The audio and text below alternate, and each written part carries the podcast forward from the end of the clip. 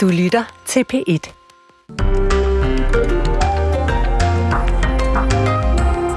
Ja, vi kan så sige godmorgen og velkommen til 3 timers morgenradio. Flere fagforeninger fortæller her til øh, Pet Morgen her til morgen, at de oplever det som et udbredt problem, at deres medlemmer bliver fyret, mens de er sygemeldt med stress. Og det er et problem, siger de, for hvordan kan arbejdsgiveren tillade sig at fyre, hvis det er arbejdspladsen, der er skyld i sygemeldingen? Ja, vi taler med HK og Dansk Arbejdsgiverforening, og sidst i udsendelsen har vi en øh, politisk debat om lige præcis det spørgsmål. Vi skal også til øh, Rusland, for måske er Ruslands præsident Vladimir Putin ved at gøre klar til at give sit første interview til en vestlig journalist siden øh, storskala-invasionen af Ukraine. Det er jo sådan et interview, man man virkelig godt kunne tænke sig. Ikke? Ja, det er der. Og nu diskuteres det, og årsagen er, at den højreorienterede journalist, tidligere vært på Fox News, Tucker Carlson, er blevet spottet flere steder i Moskva. Ja, og da tv-verden blev spurgt, om han skal interviewe Putin, svarede han, vi får se. Vi får en analyse fra øh, direktøren i det udenrigspolitiske selskab her i Pet Morgen om, øh, ja, om øh, 5-7 minutter. Og sidst i den her time, der taler vi med Kitty Højlund, øh, som har boet i Grænsted siden 1979, og i går var hun så til borgermøde. Årsagen var to nye undersøgelser, der slår fast, at borgerne i Grænsted ikke er mere syge end i byer og andre byer, man godt kan, kan sammenligne med. Baggrunden er jo, at fra 56 frem til 73 forurenede Grænstedværket byen med farlige tungmetaller. Katty mistede sin mand til nervesygdommen ALS, som flere andre i Grænsted. Ja, og i går frikendte to sundhedsundersøgelser så Grænstedværket for, Grænstedværket for at gøre folk mere syge end i andre byer. Men Katie Højlund er skeptisk. Ja, vi taler med hende til slut i den her udsendelse. I studiet Bjarne Stensbæk og Ole Brink. Vi begynder i en anden del af verden kan vi vist godt sige. I dag er det jo præcis et år siden, at over 55.000 blev dræbt, og mere end 17 millioner mennesker blev påvirket af et voldsomt jordskæld i Tyrkiet og Syrien. Jordskældet i området var det voldsomste i over 100 år. Det lød sådan her i øh, TV-avisen et par dage efter. I to dage og to nætter har redningsarbejdere i kamp med tiden og kolde temperaturer lidt efter overlevende efter mandagens jordskælv i Tyrkiet og Syrien. Og indtil videre har mindst 11.000 mennesker mistet livet, og 100.000 har fået ødelagt deres hjem. Bjarke Skåning, katastrofechef i Røde Kors. Godmorgen. Godmorgen. Ja, du var dernede. Hvad var det for et syn, der mødte dig i katastrofeområdet der februar måned sidste år? Jamen, jeg tror, der, der er to billeder, der står tilbage for mig. Et af de her etageejendomme i byer på størrelse med Odense og Aarhus, altså etageejendomme, som, hvor der stod, kun stod, hvor mange af dem skeletter tilbage. Resten var styrtet sammen. Øh, der var en stank af lig øh, og, og kaos omkring. Øh, og der var ikke øh, udsigt til at finde mange overlevende. Mm. Øh, og det er ligesom det ene billede, så tror jeg det andet billede af at de her splittede familier, altså øh, specielt øh, for mig en, en, en far, der stod med en pige, en far på min egen alder, som stod med sin, sin pige i hånden, øh, dag efter dag et af de steder, som, som jeg kørte forbi, øh, og ventede på, at resten af familien øh, begravede fri, øh, og håbede på, at de var i live. Det var mm. de desværre ikke, og han mistede sin, sin kone og, øh, og det andet barn, de havde. Og det er klart, at, at de to billeder sidder meget stærkt tilbage i mig. Og var det, øh, altså det, det du beskriver her, var det Tyrkiet, eller var det, var det Syrien? Eller? Det var i Tyrkiet. Det var i Tyrkiet. Ja, og, og nu er der så gået et år. Hvad, hvad er status egentlig i Tyrkiet, og også i, i, i Syrien på det her tidspunkt? Jamen i Tyrkiet er status jo, at, øh, at rigtig mange har fået et sted at bo, at, øh, at hjælpearbejdet var jo enormt. Øh, altså fra, fra Røde Kors' side leverede vi mere end 400 millioner øh, varme måltider. Øh, folk har fået, øh, fået, altså fik rigtig meget nødhjælp ind. Øh, vi har uddelt stadigvæk kontante beløb til, til 400.000 familier i, øh, i Tyrkiet, som er dem, der er hårdest øh, ramt, og som stadigvæk venter på at få et, øh, en lejlighed. Mm. Øh, det er primært folk, der bor på landet i dag. Det er, og, så, og så hjælper vi dem, som, som har det allersværest måske, altså ældre, de her familier, som, øh, som blev revet fra hinanden, og nogle af de folk, der gerne vil starte små og, og mellemstore virksomheder. I Syrien er situationen jo en anden, altså der er der jo ikke en genopbygning, der er ikke... Øh, altså, det er et land øh, præget af konflikt, øh, 12 års øh, krig, øh, og der kom jordskælvet som ekstra ting ovenpå. Der er ikke genopbygget nogen huse. Folk går stadigvæk rundt i, i murbrokkerne og forsøger at etablere en tilværelse, og selvfølgelig har vi været der med, med vand og mad og en eller anden form for husly, men der er jo ikke en, øh, en samlet plan fra regeringens side om, hvordan mm. befolkningen skal komme tilbage. Så når vi ser på genopbygningen her efter et år, så kan man tydeligt se, at der er forskel på på Syrien og Tyrkiet. Altså, det er stadigvæk slemt i Tyrkiet, og der er stadigvæk brug for, at I deler kontanter ud til folk øh, i bestemte områder ude på landet, men, men de er noget længere i Tyrkiet med genopbygningen. Det er de helt sikkert. Ja. Så, så når du kigger fremad, hvad ser du så? Altså, hvad er der brug for herfra?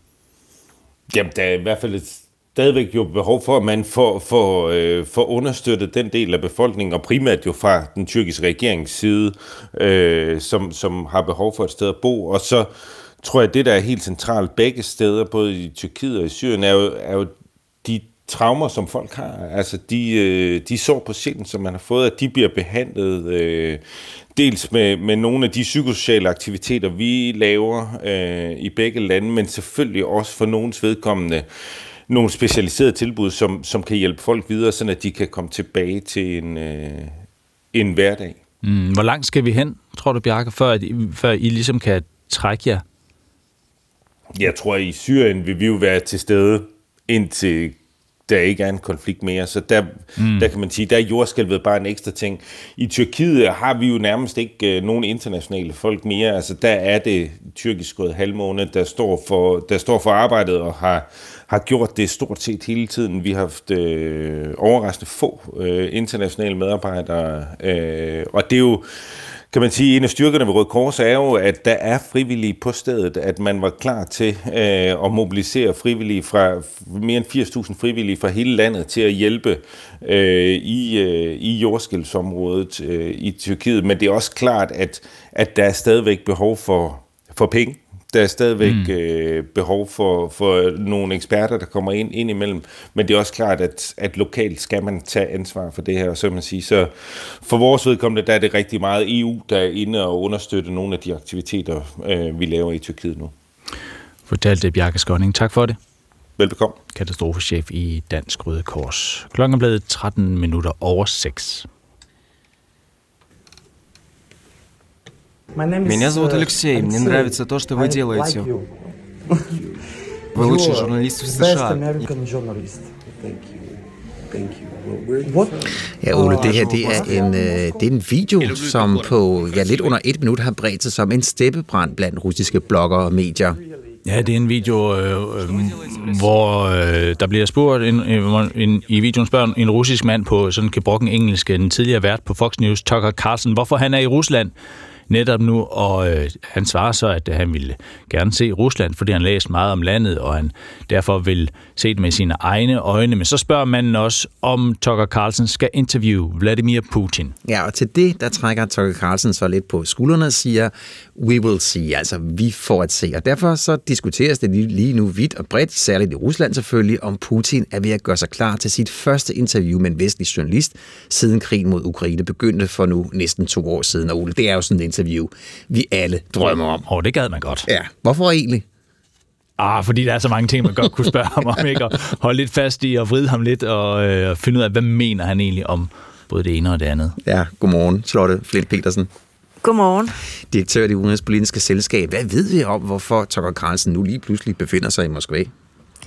Jamen, vi ved ikke så meget andet, end øh, at han er blevet set blandt andet øh, hos øh, talsmanden øh, Peskov, eller han er i hvert fald blevet set øh, besøge ham, og, og, og han besøger en masse mediepersonligheder, altså russiske mediepersonligheder i øh, Moskva, og så bliver han behandlet som en celebrity i Moskva. Og hvilken interesse skulle øh, Putin så have i at stille op til et øh, interview hos Tucker Carlson?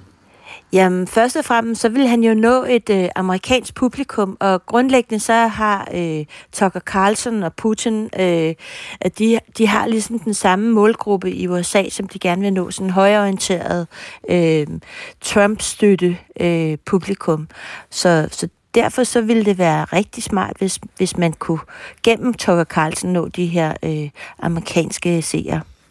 Ja, hvad ville, øh, hvad ville Putin kunne få ud af det? Jamen blandt andet øh, at understøtte et, øh, altså for det første for ligesom understøtte det narrativ, som Tucker Carlson også kommer med, at, øh, at det sådan set er Zelensky, som er diktatoren, og øh, øh, Putin, der er den gode, og det er en, en retfærdig krig, de, de fører. Øh, og så vil øh, han også kunne føde ind måske i den amerikanske valgkamp, som kører lige nu, og, og ligesom understøtte øh, hele øh, Trumps øh, narrativ. Og det er det, det handler om, øh, fordi man tænker, hvor, altså Putin, inter, øh, hvilken interesse skulle Putin have i at, at skubbe til at påvirke en eller anden amerikansk vælgergruppe, men der siger du præsidentvalg i USA. Blandt andet, men egentlig også øh, præsidentvalg i, Rus i Rusland, som finder sted her i den 17. marts, øh, hvor han ligesom kan vise, at jeg er, en, en, jeg er altså en interessant person, så jeg optræder på øh, øh, amerikansk tv, og, og derved så kan, kan man også finde, få en eller anden legitimitet. Spørgsmålet er, om Tucker Carlsens kanal øh, gennem Twitter er, er stor nok til, til Putin, og det er måske det, der afgør, om han, han får et interview. Men, øh, men det ville være en måde også at, at booste sig selv internt, hvor han ligesom siger, at jeg er en, en, en tilstrækkelig spændende person til at øh, og, og, og ligeværdig til en form for interview med... Øh, altså et interview på amerikansk tv. Mm, men hvis det nu det er, altså, at, det, at han, han kan få noget ud af det, Putin, hvorfor er det så, så svært at få et øh, interview med ham? Jamen, jeg tror, det handler først og fremmest om, hvorvidt det er noget, kan man styre Tucker Carlsen i forhold til det, han bliver spurgt om. Og det andet, det er, øh, om øh, man kan sige, øh, er Tucker Carlsens kanal øh, tilstrækkelig øh, altså interessant? Altså, vil det give det rigtige image for, for Putin at blive interviewet af Tucker Carlsen på, på, på, det er jo på hans kanal på X, som det kommer ud på. Det er jo ikke Fox News, som det var før. Vil man, øh, nu ved vi det jo ikke, men, men vil, vil, vil Putin kunne, kunne styre Carlson det tror jeg, fordi grundlæggende så har de samme, skal man sige, narrativ. Så på den måde, så er altså det, det, det, det samme fortælling, og det er ikke fordi Tucker Carlson øh, øh, bliver fortalt, hvad han må sige, men det er simpelthen fordi, det pas, de passer ind, de har den samme sandhed, kan man sige, om hvordan verden hænger sammen. Hvilket spørgsmål vil Slotte Flint Petersen stille Putin? Jamen, jeg vil nok stille noget om, altså, øh,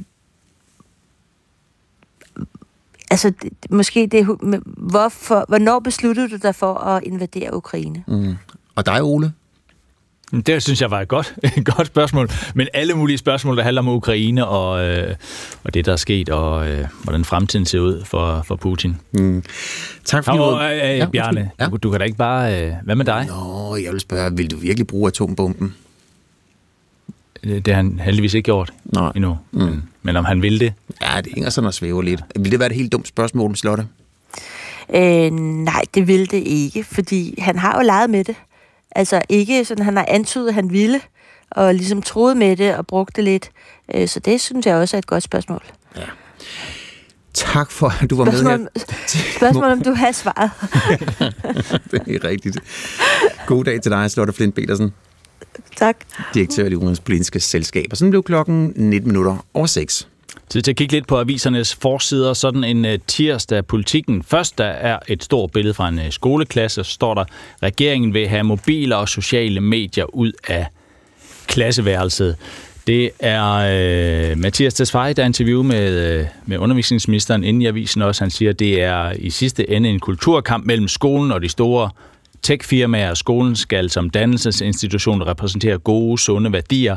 Eleverne skal i deres skoledag ikke forstyrres af en ny besked på øh, Snapchat. Man skal være til stede med læreren og sine klassekammerater i et undervisningslokale, når man ikke er til stede fysisk, men også mentalt sker der noget særligt, siger Tesfaye til øh, politikken. Vi taler i øvrigt med, med ministeren lidt senere her i, øh, i P1 Morgen, men der er altså 12 anbefalinger. Jeg kan lige tage et par stykker af dem. Ja. 12 anbefalinger fra ministeren til, til skolerne. Øh, der er en, der hedder gå i dialog med forældrene om elevernes brug af skærme. Der er en, der hedder indfør mobilfri skole, spær adgangen til ikke relevante hjemmesider, f.eks. via firewall, læg tablets og computer væk, når de ikke bruges i undervisning osv. osv. Så er der så en, der hedder give plads til analog læring, altså 12 anbefalinger. Vi taler som sagt med Mathias Tesfaye senere i udsendelsen, og spørger også blandt andet, hvorfor er det anbefalinger, det her? Altså, hvorfor siger han ikke bare, at sådan skal det være ude på skolerne? Ja, hvad er det skarpe spørgsmål der? Jamen præcis. Mm. Det var det, jeg lige stillede. Det var lige det, ja. ja, ja. Hvorfor er det kun anbefalinger, mm. Mathias Tesfaye? Hvorfor ja. siger du ikke bare, det er dig, der er ministeren, du kan da bare bestemme, at sådan skal det være? Ja. Jeg har fundet øh, Berlingske forsiden. Det er en, øh, en måling, som viser, at hver femte mener, at tidens opdragelse er skadelig for børnene. Og øh, den, den fortæller, at der er store forskel mellem generationerne på, øh, på synet på børneopdragelse. Det er jo sådan set ikke så, så, så nyt. Sådan har det vel egentlig altid været. Men det er især gruppen over 50 år, der mener, at opdragelsen er for inkonsekvent, og at der bliver taget hensyn til børn i en grad, så deres udvikling faktisk er i fare.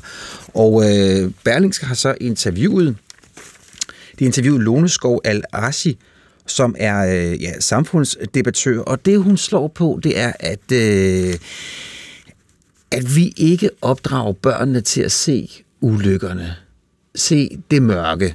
Og det mørke er en, en, en del af livet, at vi partout skal være lykkelige. Og, mm. og hvis man ser ulykken, ja, så er det en, en ulykke. Men ulykken er en del af livet, er lidt hendes pointe. Og hun, hun siger sådan her, jamen, det er da dejligt at være en lykkelig familie, men det kan man bare ikke være hele tiden. Der skal også være gråd og, og, og i et hjem med børn og, og unge mennesker. Sådan er det, og sådan hjælper man dem ordentligt på vej i, i tilværelsen. Og så fortæller hun så videre, at hun mener, at man gør sit barn et børn, bjørnetjeneste ved at vise, at alting hele tiden skal føles rigtigt. Og hvis ikke det gør det, ja, så er det forkert. At føle sig lykkelig må ikke blive en rettesnor i livet. Lærer man sit barn det, vil barnet på sigt blive frygtelig skuffet over tilværelsen, for lykke er ikke en konstant, men noget, man oplever glimtvis, siger hun, og kommer så der med en uh, reference til Søren Kierkegaard. Mm. Det var Berlingske. Ja. Ja, lad os sige, det var aviserne. I dag klokken er blevet 22 øh, minutter over 6. Fagforeningerne HK, Djøf og FOA oplever alle, at det er et udbredt problem, at deres øh, stresssygemeldte stresssyge meldte medlemmer bliver fyret fra arbejdet. De har ikke øh, konkrete tal for, hvor mange der er tale om, da fagforeninger ikke registrerer i deres egne statistikker, hvad en øh, fyring skyldes, men hos FOA siger for eksempel fagpolitisk ordfører Maria Klingsholm sådan her.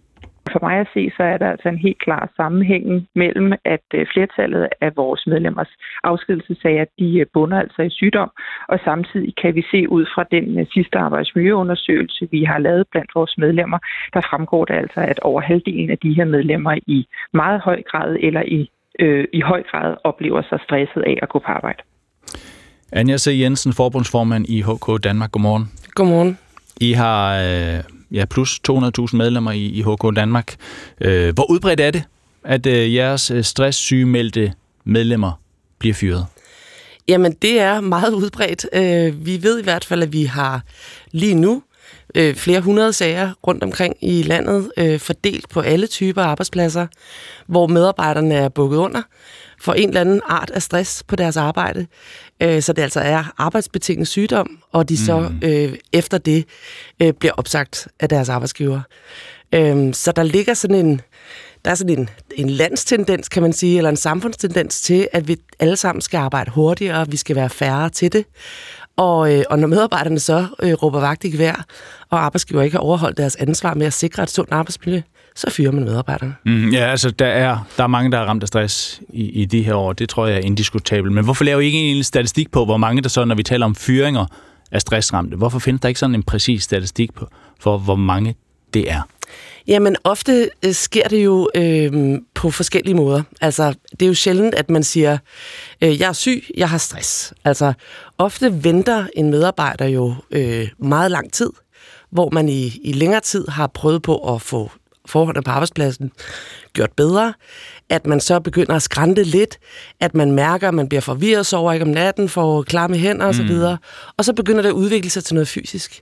Så i virkeligheden kan man godt blive syg af øh, hjertebanken, eller dårlig mave, eller konstant hovedpine, og det er så afledt af stress. Så derfor kan det være svært sådan at opstille en, en meget firkantet statistik. Mm. Men vi ved jo, når vi dykker ned, og det er jo det, vi gør, når vi taler med vores medlemmer, at det kommer af ofte ja, ukendte forventninger for højt arbejdspres, effektiviseringer på arbejdspladsen, hvor man ikke har kigget nok på arbejdsmiljøet.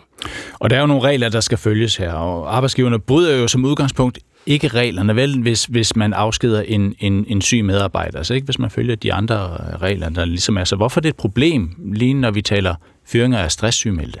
Først og fremmest vil jeg, godt, øh, vil jeg godt angribe den der præmis med, at de ikke bryder reglerne, fordi vi har jo først og fremmest en arbejdsmiljølov, som siger, at arbejdsgiver skal sikre et sundt og sikkert arbejdsmiljø. Og hvis man gør det, jamen så burde der jo ikke være nogen ko på isen. Selvfølgelig kan der stadigvæk godt være folk, der bliver syge, og så det kan, kan det håndteres individuelt. Men hvis man først ikke sikrer et ordentligt arbejdsmiljø, og medarbejderne så bliver syge af det, så mener jeg bare, at der er i mig sådan helt grundlæggende en dyb urimelighed i, at nu har jeg gjort dig syg. I gamle dage sagde man, øh, mm. først pisser de på os, og så, så øh, siger de bagefter, at vi lugter af tis. Altså, nu gør jeg dig syg, og så kan jeg bagefter sige, det er også med irriterende, du er syg, så nu fyrer jeg men, men altså, så kører I vel nogle sager? Altså, hvis I, ja, synes, oh, oh, hvis yes. I synes, det er urimeligt, så ja. kører man vel nogle sager, og så det vinder man vi. de sager, fordi at det er jo så imod lovgivningen. Det gør vi. Hvad, altså, vi, vi kører sagerne, når medlemmerne har kræfterne til det, øh, og vi selvfølgelig har øh, noget bund i det, og det har vi masser af gange. Så vi kører sagerne, øh, men det vi også skal huske her er, at det er folk, der er virkelig, virkelig dårlige, mm. som ikke nødvendigvis har så mange kræfter tilbage. Det giver vi dem, alt det vi overhovedet kan. Men hvis de så står og får et, et halvdårligt tilbud, og kan komme ud af det her, kan blive fri fra den der sten i maven, jamen så er det nogle gange, at de siger, så lad mig bare komme videre. Mm. Men du siger også selv, at det er jo, at det kan nogle gange være lidt svært sådan at have helt klart at sige, øh, stress, Øh, det er derfor, jeg er her, det er derfor, jeg ligger syg nu, eller det er sådan en blanding, og det kan også være noget, der sker derhjemme jo, og det kan være en blanding af noget, der sker på arbejde, og noget, der sker derhjemme og sådan. Så hvor længe mener du, man kan forvente, at arbejdsgiverne skal holde fast i de her stresssygemeldte medarbejdere? Og det er fuldstændig umuligt at stille op i en formel, for der er jo selvfølgelig forskelligt fra person til person. Og det kommer også an på, hvor lang tid man har været der. Altså, hvor lang tid har du, har du været en trofast og dygtig medarbejder på arbejdspladsen og forsøgt at hænge i? Og hvordan er det, jeg som arbejdsgiver har sørget for, at du får ordentlige vilkår for at passe dit arbejde? Så, så det kan være svært at sige, men, men det vi ser er en, en øget kynisme øh, fra mm. arbejdsgivers side, som siger, det er simpelthen ikke godt nok, at du ikke kan følge med her, så må du finde et andet sted at være. Men det jeg jo skal det er på et eller andet Altså, i nogle situationer må det jo vel være okay. Altså, hvornår er det ok for en arbejdsgiver at fyre en medarbejder, der er sygemeldt med stress? Jamen, jeg bliver lidt stille, fordi igen må jeg sige, det er meget individuelt. Så, så det er jo okay, hvis man har forsøgt alt, hvad man kan. Hvis man når frem til, nu har vi gjort alt det, vi har, nu har vi brugt alle de værktøjer, vi har i kassen, men alligevel kan vi ikke finde hinanden igen. Skal vi så ikke finde en måde at gå fra hinanden på? Men der, der når vi bare sjældent frem til. Altså, mm. det er mm. ofte, at arbejdsgiver siger, Nå, nu har du været syg x antal dage, nu, øh, nu skal vi skulle have en hurtigere arbejdende medarbejder ind. Og det er altså en tid, hvor vi mangler arbejdskraft. Der mener vi bare, at vi vil gerne råbe vagt i gevær for, at man på den måde kan misbruge sine medarbejdere, for det er det, vi ser. Men der kan være situationer, hvor det faktisk er okay. Det er også det, du siger, at, at en fyring er på sin plads af folk, der har stress sygemeldte. Det kan være på sin plads, at der, at der kommer et tidspunkt, hvor man er nødt til at gå fra hinanden. Men, men, men det tidspunkt skal jo ske, når man har været i dialog. Mm. Og det skal jo forhåbentlig også ske på baggrund af, at der har været en forebyggelse af, at de her ting sker. Altså hvis du var ansat hos mig, og, øh, og jeg blev ved med at læse flere og flere interviews og flere og flere sager over på dit bord og en masse research, og du sagde til mig tusind gange, Anja, det kan jeg ikke. Jeg er en mand. Mm, jeg arbejder 37 timer, jeg må have nogle flere kollegaer. Og siger, det er bare ærgerligt. Kom nu, op i tempo. Mm, mm. Så er det jo min skyld, og ikke din. Men bliver det her når nu det fylder så meget hos jer, altså bliver det, bliver det krav, som I kommer til at stille i overenskomstforhandlinger? Altså, man kan sige, at i overenskomsterne, der øh, håndterer vi jo rigtig mange andre ting. Vi håndterer også delvist arbejdsmiljø. Man kan også se, at vi faktisk ved den seneste private overenskomst øh, også mere og mere får noget arbejdsmiljø ind i overenskomsterne. Men man kan sige, at der er, vi mangler et, øh, et værktøj, øh, for eksempel i arbejdsmiljøloven. Vi gør, også, vi gør det også i overenskomsterne. Vi har jo dygtige arbejdsmiljørepræsentanter. Vi har jo aftaler om en arbejdsmiljøorganisation. Men det er jo stadig chefen, der bestemmer, sådan, når, det, når det kommer til det sidste, så er det chefen, der bestemmer. Så hvis arbejdsmiljøorganisationen heller ikke har en modpart, de kan arbejde med, så er det svært at gøre noget ved det. Så derfor er det måske umiddelbart øh, lidt kompliceret at løse i overenskomsterne. Så derfor siger vi, hvis du var arbejdet hos mig, og du blev gravid, så skulle jeg bevise, at det ikke havde noget med din graviditet at gøre, at jeg fyrede dig. Hvis nu du blev stresset af at gå på arbejde, og du hele tiden havde sagt til mig, at det er ikke godt nok på arbejdspladsen, det her, Anja, så kunne jeg bare fyre dig alligevel, fordi det er irriterende, at du er syg. Det kunne vi godt tænke os, at der var en art godtgørelse, et værktøj i skuffen, hvor vi kan ramme de arbejdsgiver, der forsømmer deres ansvar groft på pengepunkt. Så øh, sådan parallelt til graviditetsfyringer, for eksempel, lave en stressfyring, det er det, I godt kunne tænke Det kunne man gøre, for eksempel. Og, og det er der selvfølgelig nogle juridiske teknikere, der skal være klogere end mig, hvor det skal være henne. Men, men en eller anden art værktøj for at få dem til at forstå, at det her det er en forsømmelse af deres ansvar. Anja C. Jensen, tak for besøget. Selv tak. Forbundsformand i øh, HK Danmark. Øh, lidt senere på morgenen, om en lille times tid, der taler vi med Pernille Knudsen, der er viceadministrerende direktør i Dansk Arbejdsgiverforening om øh, sagen. De ser en lille smule anderledes på det, tror jeg godt, vi kan sige. Klokken den er blevet halv syv. Vi skal have et nyhedsoverblik. Det kommer her med Michael Olesen. Computer, tablets og mobiltelefoner skal fylde meget mindre i klasselokalerne, for det spænder ben for, at børnene kan fordybe sig og lære noget. Det mener børne- og undervisningsminister Mathias Tesfaye.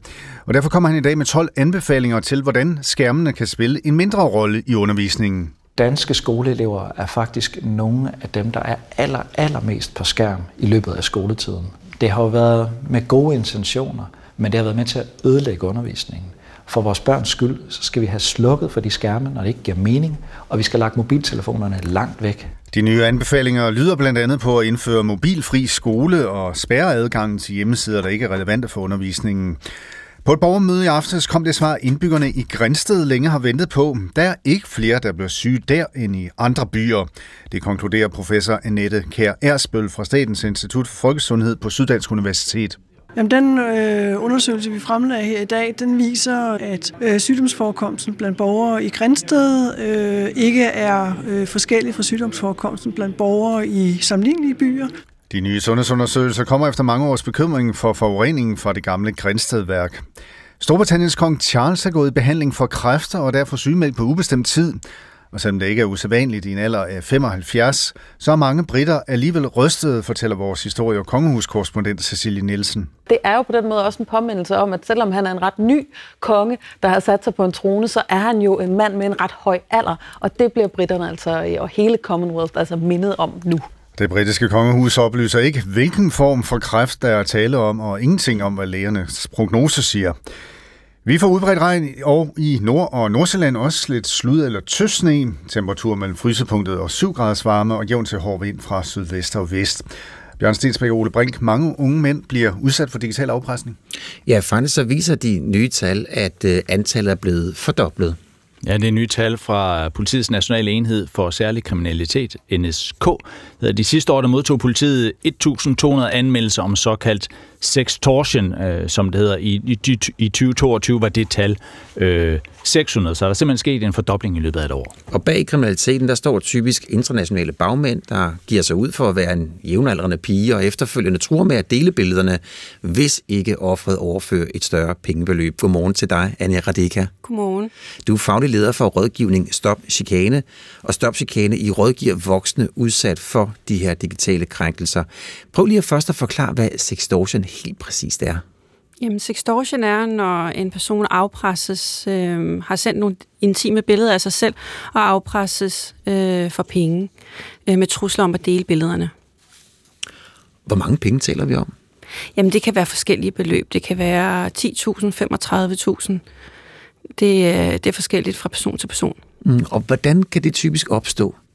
Jamen, det opstår typisk ved, at øh, en ung mand øh, møder en det, der giver sig ud for at være en kvinde på internettet. Og så starter de en fløjt, en samtale, der så går hen og bliver fortrolig og mere intim. Og der bliver måske delt nogle nøgenbilleder af en kvinde til ham, øh, som vækker noget tillid i ham til også at sende nogle billeder den anden vej. Kort tid efter han har sendt billederne, så øh, bliver han truet med, at billederne vil blive delt til hans venner, hans familie, hans arbejdsplads, hvis ikke han overfører nogle penge inden for 24 timer eller 35 timer. Mm. Og hvad sker der så? Jamen altså typisk går offer jo i panik, øh, føler meget skam over det, der er sket, øh, angst og i tvivl om, hvad, hvad man skal gøre i den her situation. Øh, mange, som ringer til os, har allerede snakket med politiet og anmeldt det, øh, og bliver så henvist videre til Stop Chikane for ligesom at tale om de øh, psykiske følger, der er af det, og også øh, ligesom snakke det her igennem. Hvad, ligesom, hvad kan man, hvordan kan man få det stoppet? Og det er, øh, det er mænd, eller hvad er det? Det er typisk mænd, som bliver afpresset øh, for, for penge, og det er typisk mænd, der er udsat for den her kriminalitetsform, sextortion, ja. Men det kan også være kvinder, men det er typisk mænd, eller hvad? Er det, er. Kvinder bliver typisk udsat for det, vi kalder digitale sexkrænkelser, hvor en person, de kender, har nogle intime billeder af dem, og okay. tror med at ja. dele dem. Men de her unge mænd, der er udsat for det, hvad fortæller de jer så? Når jeg sådan, I Jamen, de fortæller, at de i god tro har mødt en, en kvinde, der har udgivet sig, eller en person, der har udgivet sig for at være en for eksempel udvekslingsstuderende, der er i Danmark, øhm, og, at, øhm, og at de så har delt nogle billeder, og at de bliver truet med, at billederne vil blive delt. De vil gerne vide, hvad er risikoen for, at billederne bliver delt med deres arbejdsplads og familie. Skal de overføre pengene, eller skal de lade være? Øhm, og, og hvad skal de gøre for at få det stoppet? Og hvordan, ja, hvordan har de det, når de så ringer, ringer til jer? Jamen, de er, de er meget skamfulde, de er angstfulde, øh, angstfyldte. Oftest har de ikke sovet hele natten. De ved ikke, hvad de skal gøre. De bliver også afpresset ofte på forskellige platforme samtidig. Når øh, truslen om deling øh, kommer, så øh, er det meget normalt, at bagmændene forsøger ligesom at angribe dem fra alle platforme. Øh, Facebook og Instagram og WhatsApp, Skype, alt hvad de har af kontier, så bliver de øh, ligesom mindet om, at de skal overføre de her penge. Så der bliver lagt et enormt pres på offeret øh, lige efter at øh, man har modtaget truslen. Mm. Er der et, et, et eksempel, som virkelig har, har gjort indtryk på dig, og som bare sidder i dit baghoved og tænker, det her, det, det er frygteligt? Ja, altså det, det, det har, der er mange sager. Det er virkelig forfærdeligt, men, men vi har nogle sager, hvor at øh, mænd har overført pengene og, og kommer i et eller andet øh, virkelig ubehageligt øh, system, hvor de skal overføre penge hver måned og må have to jobs ad gangen for både at kunne betale bagmændene og forsørge sig selv. Hvad er jeres gode råd til dem, når de, når de kommer og spørger om de der ting? Hvad skal vi gøre, og skal vi betale, eller skal vi ikke betale? Hvad ja, altså det er jo rigtig svært at gøre noget ved den her kriminalitetsform, fordi at bagmændene jo sidder ofte i øh, lande langt væk fra Danmark og opererer i de her callcentre. Øh, men det vi siger, det er, at man skal dokumentere hændelsen, og man skal blokere øh, på øh, medierne, og så skal man også anmelde til politiet, så vi har en idé om, hvad er ligesom omfanget af det her øh, i Danmark. Mm. Og så ved vi jo ikke, om det kan blive delt. Der er både risiko for, at det bliver delt, og så er der også, hvad skal man sige, håbet om, at det ikke bliver delt. Øh, vores klare fornemmelse er, at de her personer har mange ofre på samme tid så de gider ikke at bruge for mange ressourcer på én person. Så hvis man viser for meget modstand, så går de oftest videre til deres næste offer. Mm, hvad du siger, det er så skamfuldt, at der er eksempler på, at der er nogen, der simpelthen har to jobs for at betale de her regninger, for at undgå, at de billeder, de, de slipper ud. Ja, altså det er jo meget skamfuldt. Det er jo ens mest intime rum, øh, nøgenbilleder af ens selv. Det har man jo ikke lyst til at blive delt øh, med ens arbejdsplads eller familiemedlemmer. Øh, og så er der også det i, at man ligesom er blevet snydt øh, af nogle kriminelle bagmænd. Det er enormt skamfuldt for de her øh, mennesker. Ja, og så nævnte du Ole politiet. Men tal fra Rigspolitiet, de, de siger jo, at der kun er, er meget få gerningsmænd, som bliver sigtet i de her sager. Mens der sidste år blev anmeldt 1200 sager, ja, så blev der kun rejst sigtelse i 11 af dem. Hvad er forklaringen på, at det til sydlædende er så svært? Jamen, det er svært for det danske politi at operere ud for Danmarks grænser tror jeg, er det korte svar. Øh, det er en cyberkriminalitet, som foregår i lande langt væk øh, fra os, øhm, og det er svært for det danske politi på nuværende tidspunkt at gøre noget ved det. Det kræver et styrket internationalt samarbejde, øh, et større internationalt fokus på, hvordan landene kan hjælpe hinanden med at få stoppet de her ting. Hvad ved vi om, hvem det er, der sidder derude? Bag ved at trække i trådene og Ja, vi ved ikke så meget. Altså, vi, vi ved fra politiet selv, at, at, at de siger, at det her foregår i lande langt væk, altså i nogle afrikanske lande, Nigeria, Elfenbenskysten, hvor de opererer fra nogle callcentre, så det er simpelthen blevet meget øh, organiseret kriminalitetsform. Ja, politiet kalder det for afrikanske fabrikker. Hvordan foregår det? Ja, altså jeg, øh, jeg, jeg tror, det foregår på den måde, at det nærmest er altså, bygninger, hvor at der er en masse computer stationeret, øh, og mennesker, som simpelthen arbejder for at øh, danne forbindelser til unge mænd i Vesten, for så at fange dem i en afpres dem økonomisk. Og det er jo selvfølgelig øh, forfærdeligt, og det må være øh, ja, virkelig svært for dem, der bliver ramt af det. Men vi taler også om en, en, en ung generation, der er vokset op med internettet, og øh, vi tænker på dem som en gruppe, der er svære at snyde i forhold til de gamle, der ikke helt kan finde ud af øh, alle de der ting, der, der, der sker derude. Så, så de må være er de dygtige bagmændene, eller er vi lidt for naive måske, når vi sidder der, og selvom man har styr på det, øh, så kan man godt falde i sådan nogle fælder? Nej, det handler ikke om, at nogen er naive. Altså, det er jo, I 2024 er det jo ganske normalt, at meget af vores liv foregår digitalt. Det er ikke ualmindeligt at danne relationer, også intime relationer over nettet. Øhm, og man gør det jo i, med gode intentioner, og der er andre, der gør det med andre intentioner, dårlige intentioner. Så øh, ja, det er ikke ens egen skyld, så selvfølgelig skal man altid være kritisk øh, over for, hvem man snakker med, øh, men det kan være rigtig svært at opdage. Mm. Tror du bare, vi vil se, nu taler vi om en fordobling her, vi bare vil se flere og flere af den slags sager? Jeg tror helt klart, vi øh, vil se flere sager. og Der er et kæmpe mørketal på området. For som sagt, så, så er det vores helt klart fornemmelse, at øh, de her bagmænd opererer med mange ofre på samme tid. Så jeg tror også, der er mange, der slet ikke har ragt ud og anmeldt det. Øhm, også fordi mange er klar over, at der ikke er så meget at gøre, øh, og der er en kæmpe skam forbundet med det. Og det er jo en historie, vi forfølger hele morgen. Næste time, der taler vi med Lene Stavngård. Hun er chef for Red Barnets team til beskyttelse mod digitale krænkelser. Vi spørger hende, hvilke konsekvenser det kan have for de her drenge og unge mænd. Og det er 6 minutter over syv. Tak for besøget, Anna Radika. Tak. Faglig leder for rådgivning Stop Chikane. Det er efterhånden øh, et par uger siden, der skulle have været afholdt valg i det vestafrikanske land Senegal, men valget er blevet udskudt på ubestemt tid, angiveligt på grund af problemer med kandidatlisten. Det siger i hvert fald landets præsident Macky Sall. Øh, men mange senegalesere føler sig snydt for et valg nu, og der er opstået uroligheder og demonstrationer i landet. Søren Bendiksen, DR's Afrika-korrespondent er med os. Godmorgen. Godmorgen. Problemer med kandidatlisten. Altså, det, det siger ja. præsidenten. Hvad, hvad er problemet helt præcist? Ja, det er øh, et meget, meget godt spørgsmål. Det var sådan, at det, det var ikke for et par uger siden, der skulle være valg i Senegal. Det er om et par uger, der er tre uger til valget, og nu er det altså så øh, blevet, øh, blevet udskudt. Præsidenten har simpelthen valgt at udskyde det her med argumentet om, at der er problemer med kandidatlisten. Det er der ganske givet, også fordi der er flere mennesker, som gerne ville have været på den liste, som nu ikke har fået lov af forskellige årsager. Så på den måde, så giver det meget god mening, men det er lidt for tæt på valget, og en lidt forkert person også, der gerne vil have udskudt det her valg, fordi den siddende præsident, det er ikke valgkommissionen, der siger, at der er et problem, det er præsidenten. Og mm. det betyder altså, at der er en masse mennesker, som synes, at det her, det er rigtig underligt. Og hvad der ligger nedenunder, ja, det er øh, noget, som, øh, som især senegaleserne lige nu diskuterer øh, voldsomt, både på gaden, men øh, ja, indlysende alle steder i, øh, ja. i landet. Men det var, jeg undskyld, jeg lige rådte med datoen, det var den 25. februar. Det er der, der skulle have været valg, ja. og det er så blevet skubbet. Det er allerede meldt ud nu. Det, det er sådan, det er. Øh, det, der sker, det, der foregår i Senegal, er det, øh, jeg kan man kalde det en demokratisk overlevelseskamp?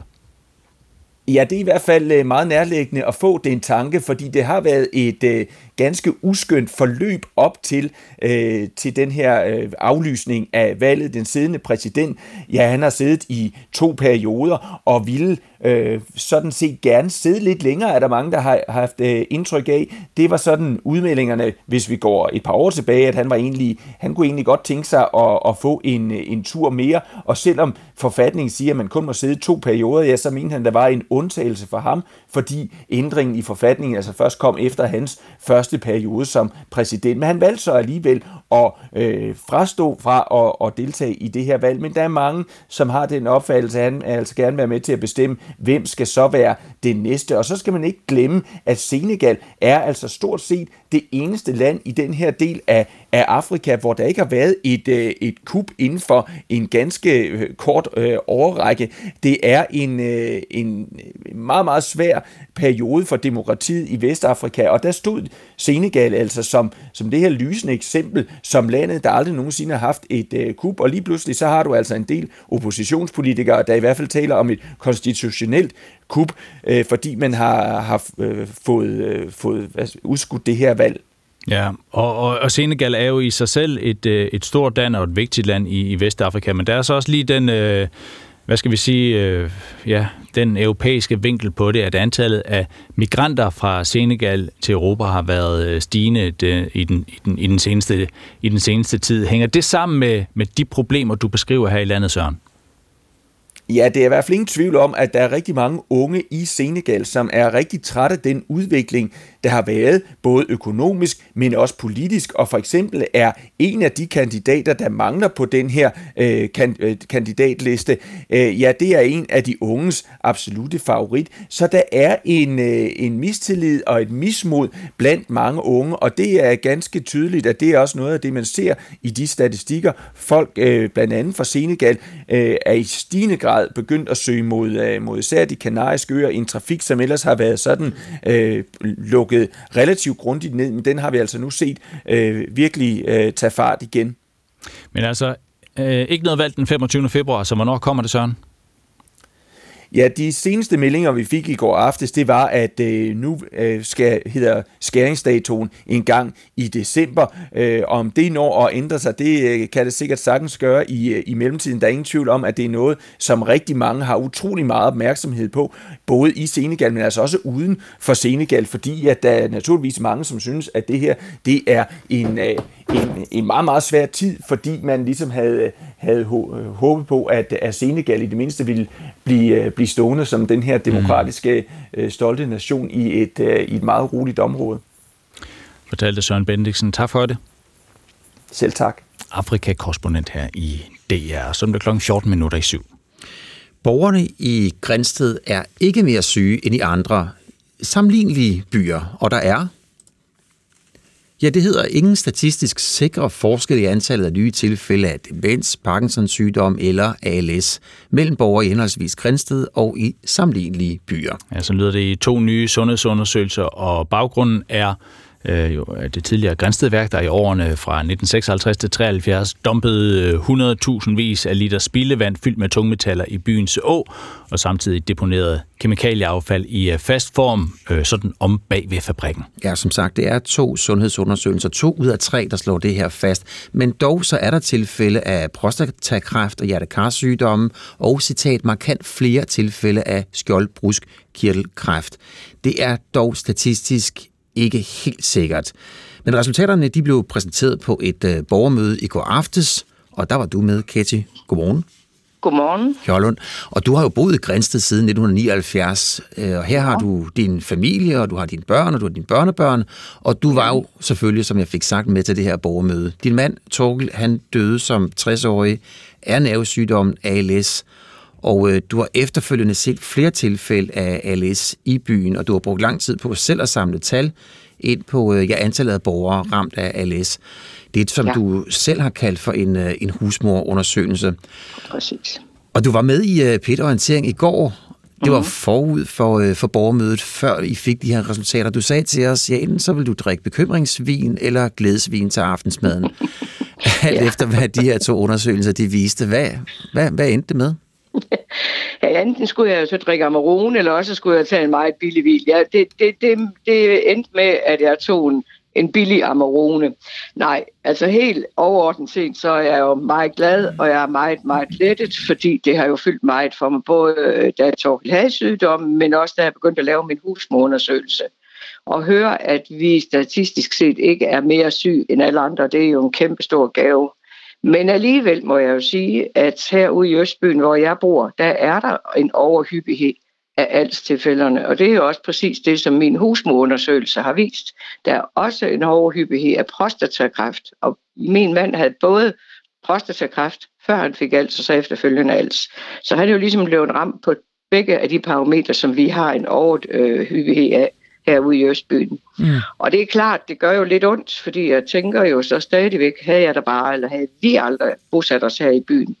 Men altså det er fortid, det lader vi ligge. Nu er jeg glad ved, at øh, mine børn og børnebørn og alle andre unge mennesker formodentlig og forhåbentlig kan vokse op i et sted, hvor man ikke bliver mere syg end alle andre. Men, Men altså, der er for mange altstilfælde øh, herude. Det er der ingen tvivl om. Men de her to sundheds- sundhedsundersøgelser, som nu er ja. kommet, jeg fik den præsenteret i går, stoler du ikke på den? Jo, det gør jeg helt sikkert. Altså, jeg stoler rigtig meget på de forskere. Men nu bliver det sådan lidt teknisk, fordi jeg begyndte jo at læse rapporten og har siddet med det noget af natten. Og for eksempel så står der, at fra 2011 til 2021, der er der ingen altstilfælde. Der er der bare en tom felt. Det er fordi, de på grund af datalovens beskyttelse, så må de ikke skrive, hvis der ikke er mere end fem personer. Og så når det gør jo også almindelige husmøder forvirret, fordi jeg siger, at jeg har jo fem-seks personer her på min liste, der har fået det i det tidsrum. Men det må de ikke oplyse, for hvis der, er mere, der skal være flere end fem, og de skal, i deres, der skal de have boet et vist antal, nu kan jeg huske, i, i byen. Altså jeg har jo taget alle med, om man har boet 10 år i byen, eller 12 år, eller 14 år i byen. Jeg har jo taget alle med. En af mine rigtig gode venner, der bor to gader fra mig, der har boet her i Østbyen for, i 40 år, er blevet diagnostiseret i 23. Han er slet ikke med i statistikken, fordi han er for ny. Så jeg stoler meget på forskerne, men de har nogle ting, som de øh, tolker anderledes, end jeg gør, fordi de skal passe på, at de, skal, at de ikke overtræder den der persondatalovens mm. beskyttelse. Mm. Men siger du, at hvis men man altså, ikke tog hensyn er... til den, undskyld afbryder, men siger ja. du, at hvis man ikke tog hensyn til databeskyttelsesloven, at så vil øh, forskerne ikke være nået frem til den her konklusion, at man er ikke mere syg i Grænsted end andre byer? Altså det kan jeg ikke udtale mig om, for det er jo meget specifikt og sådan noget. Men det jeg gerne ville have haft i går, og det jeg savnede, da jeg kom hjem, det var, at jeg ville rigtig gerne have haft, at altsforskerne har været inde over og været med til at sætte dagsordenen for det her. Fordi da man lavede sundhedsundersøgelsen for to år siden, hvor jeg jo var jublende, jublende glad, men alligevel havde en sådan mærkelig fornemmelse i maven, der viste det sig jo, at der var jo en, en journalist fra DR, der fandt ud af ved at, at få agtindsigt, at man havde gemt øh, altsforskernes bekymringsbrev væk. Og i det bekymringsbrev stod der netop, at der var for mange altstilfælde i hele Grænsted, og så dels i Østbyen. Og altså, vi skulle herude i Østbyen, vi skulle have knap en per 20 år. Jeg har syv på min liste nu på 20 år. Og i hele byen skulle man have en 4-5 stykker på 20 år. Der har jeg 22. Og de tal, de er verificeret af forskere og læger, øh, alle de tilfælde, der har været. Så derfor er det jo et højt tal. Mm. Og, og jeg har jo sådan undersøgt lidt, altså alle nej ikke alle, 80-90 procent af altstilfældene har for meget kviksøl i blodet. Og, og vi ved jo, at Grænseværket har dumpet sindssygt meget kviksøl. Så, ja. Øhm, ja. Og, og, og som du er inde på, at det er jo blandt andet en tidligere undersøgelse, som man har sat, sat spørgsmålstegn ved, og det er det, du nævner her, men du, du, du nævner så også de, de to seneste undersøgelser, som, som, som kom i går. De bekymringer, som du lister op her, det var vel også bekymringer, som du fik, øh, fik nævnt på det borgermøde i går. Hvilket svar fik du? Altså, jeg, jeg luftede min bekymring omkring, at als forskerne ikke er med, øh, og også med til at fremlægge det her. Øh, men det er selvfølgelig det, fordi det er min agenda. Men der sagde de bare det her, de valgte, at de kommer med til den tredje undersøgelse. Der vil de være med i det der. Og efterfølgende, fordi man skal også passe på, at alle folk ikke bliver trætte af ALS, øh, selvom jeg har fået så mange, mange søde henvendelser i aftes og også i nat. Men efterfølgende havde jeg jo også forskerne på tomandshånd, hvor vi drøfter, at der er nogle ting, de ikke kan sige, fordi de skal øh, forholde sig til noget lovgivning, hvor jeg som almindelig husmor godt kan sige, ja, men mm. jeg har så og så så mange på min liste. Ja. Så det vil sige, Katie, altså sidste punktum er ikke sat. Nu fik vi sagt her i indledningen, at man er i, i Grænsted ikke mere syg end andre steder, men du siger, sidste punktum er ikke sat, for til sommer der kommer resultatet af den sidste ud af de her tre sundhedsundersøgelser. Jamen, altså sidste punktum, den er ikke sat, inden vi får ryddet op. Jeg er næsten ved at være der, hvor jeg er ligeglad med undersøgelser. Stop med at bruge penge til det, og så brug pengene til at rydde op. Det er det, vi trænger til. Jeg har boet der i 45 år. Jeg har hørt om undersøgelse og undersøgelse i 45, der har brugt usagende masser af penge. Mm. Nu skal vi se en gravko og en boremaskine, der starter et eller andet sted her i byen med at begynde at rydde op. Der er nogle steder, hvor det er meget kompliceret, det mm. indrømmer jeg, men der er også steder, hvor man kan gå i gang. Ja. Og det er det, vi fortjener her i Grænsted, det er, at der skal ryddes op nu. Der skal ryddes op. Tak for, ja. at du var, du var med her til morgen, Ketty Højlund. Selv tak. God dag. Ja, i lige måde. Som jeg fik sagt, så er tredje undersøgelse, den kommer, den kommer øh, til sommer.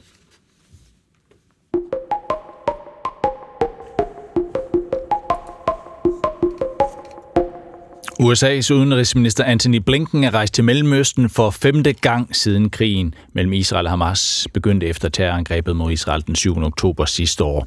Krigen mellem Israel og Hamas har jo affødt en kæde af reaktioner i en region, der i forvejen er ustabil. Vi har set Houthi-oprører i Yemen, der angriber den internationale skibstrafik i det Røde Hav, og iransk støttede militser i sidste uge, der dræbte tre amerikanere i Jordan, og som modsvar bombede amerikanerne i weekenden 85 iransk støttede militser i Irak og Syrien, ligesom de fortsatte øh, bombardementerne af Houthi-oprørerne i Yemen. Så der er nok at forholde sig til for Anthony Blinken. Lars Aslev Andersen, godmorgen. Godmorgen. Seniorforsker på DIS, Dansk Institut for Internationale Studier, og blandt andet aktuelt med bogen Den amerikanske mission, der jo blandt andet øh, behandler Biden-administrationens sikkerhedspolitik. Og i USA, øh, Lars Erslev, der bliver spekuleret i, om, øh, om det øh, Blinken forsøger i de her dage er en slags Biden-doktrin for Mellemøsten. Og hvis det er det, prøv, prøv at beskrive altså, den her Biden-doktrin, strategi, hvad går den ud på? Ja, den går ud på, øh, at det er jo en, øh, en artikel, som en, øh, en kendt øh, kommentator, Tom øh, Friedman, har skrevet i New York Times. Han regnes med at være tæt på, på Biden-regeringen. Øhm, og den går egentlig ud på at sige, at der er to øh, overordnede strategier. Den ene, det er øh, altså at få isoleret øh, Iran. Iran er jo ikke længere isoleret, men at få Iran isoleret, øh, og øh, dermed kunne lægge et meget større pres på Iran. Og den anden side, det er jo at love en palæstinensisk stat, øh, efter at der er kommet øh, våbenhvile og nødhjælp ind i, øh, i Gaza. Mm. Så, så hvis, vi, øh, hvis vi tager det, og så siger nu Anthony Blinken i, i Mellemøsten, han skal mødes med Israel og palæstinenserne og, og saudierne, hvad bliver han så hans opgave der?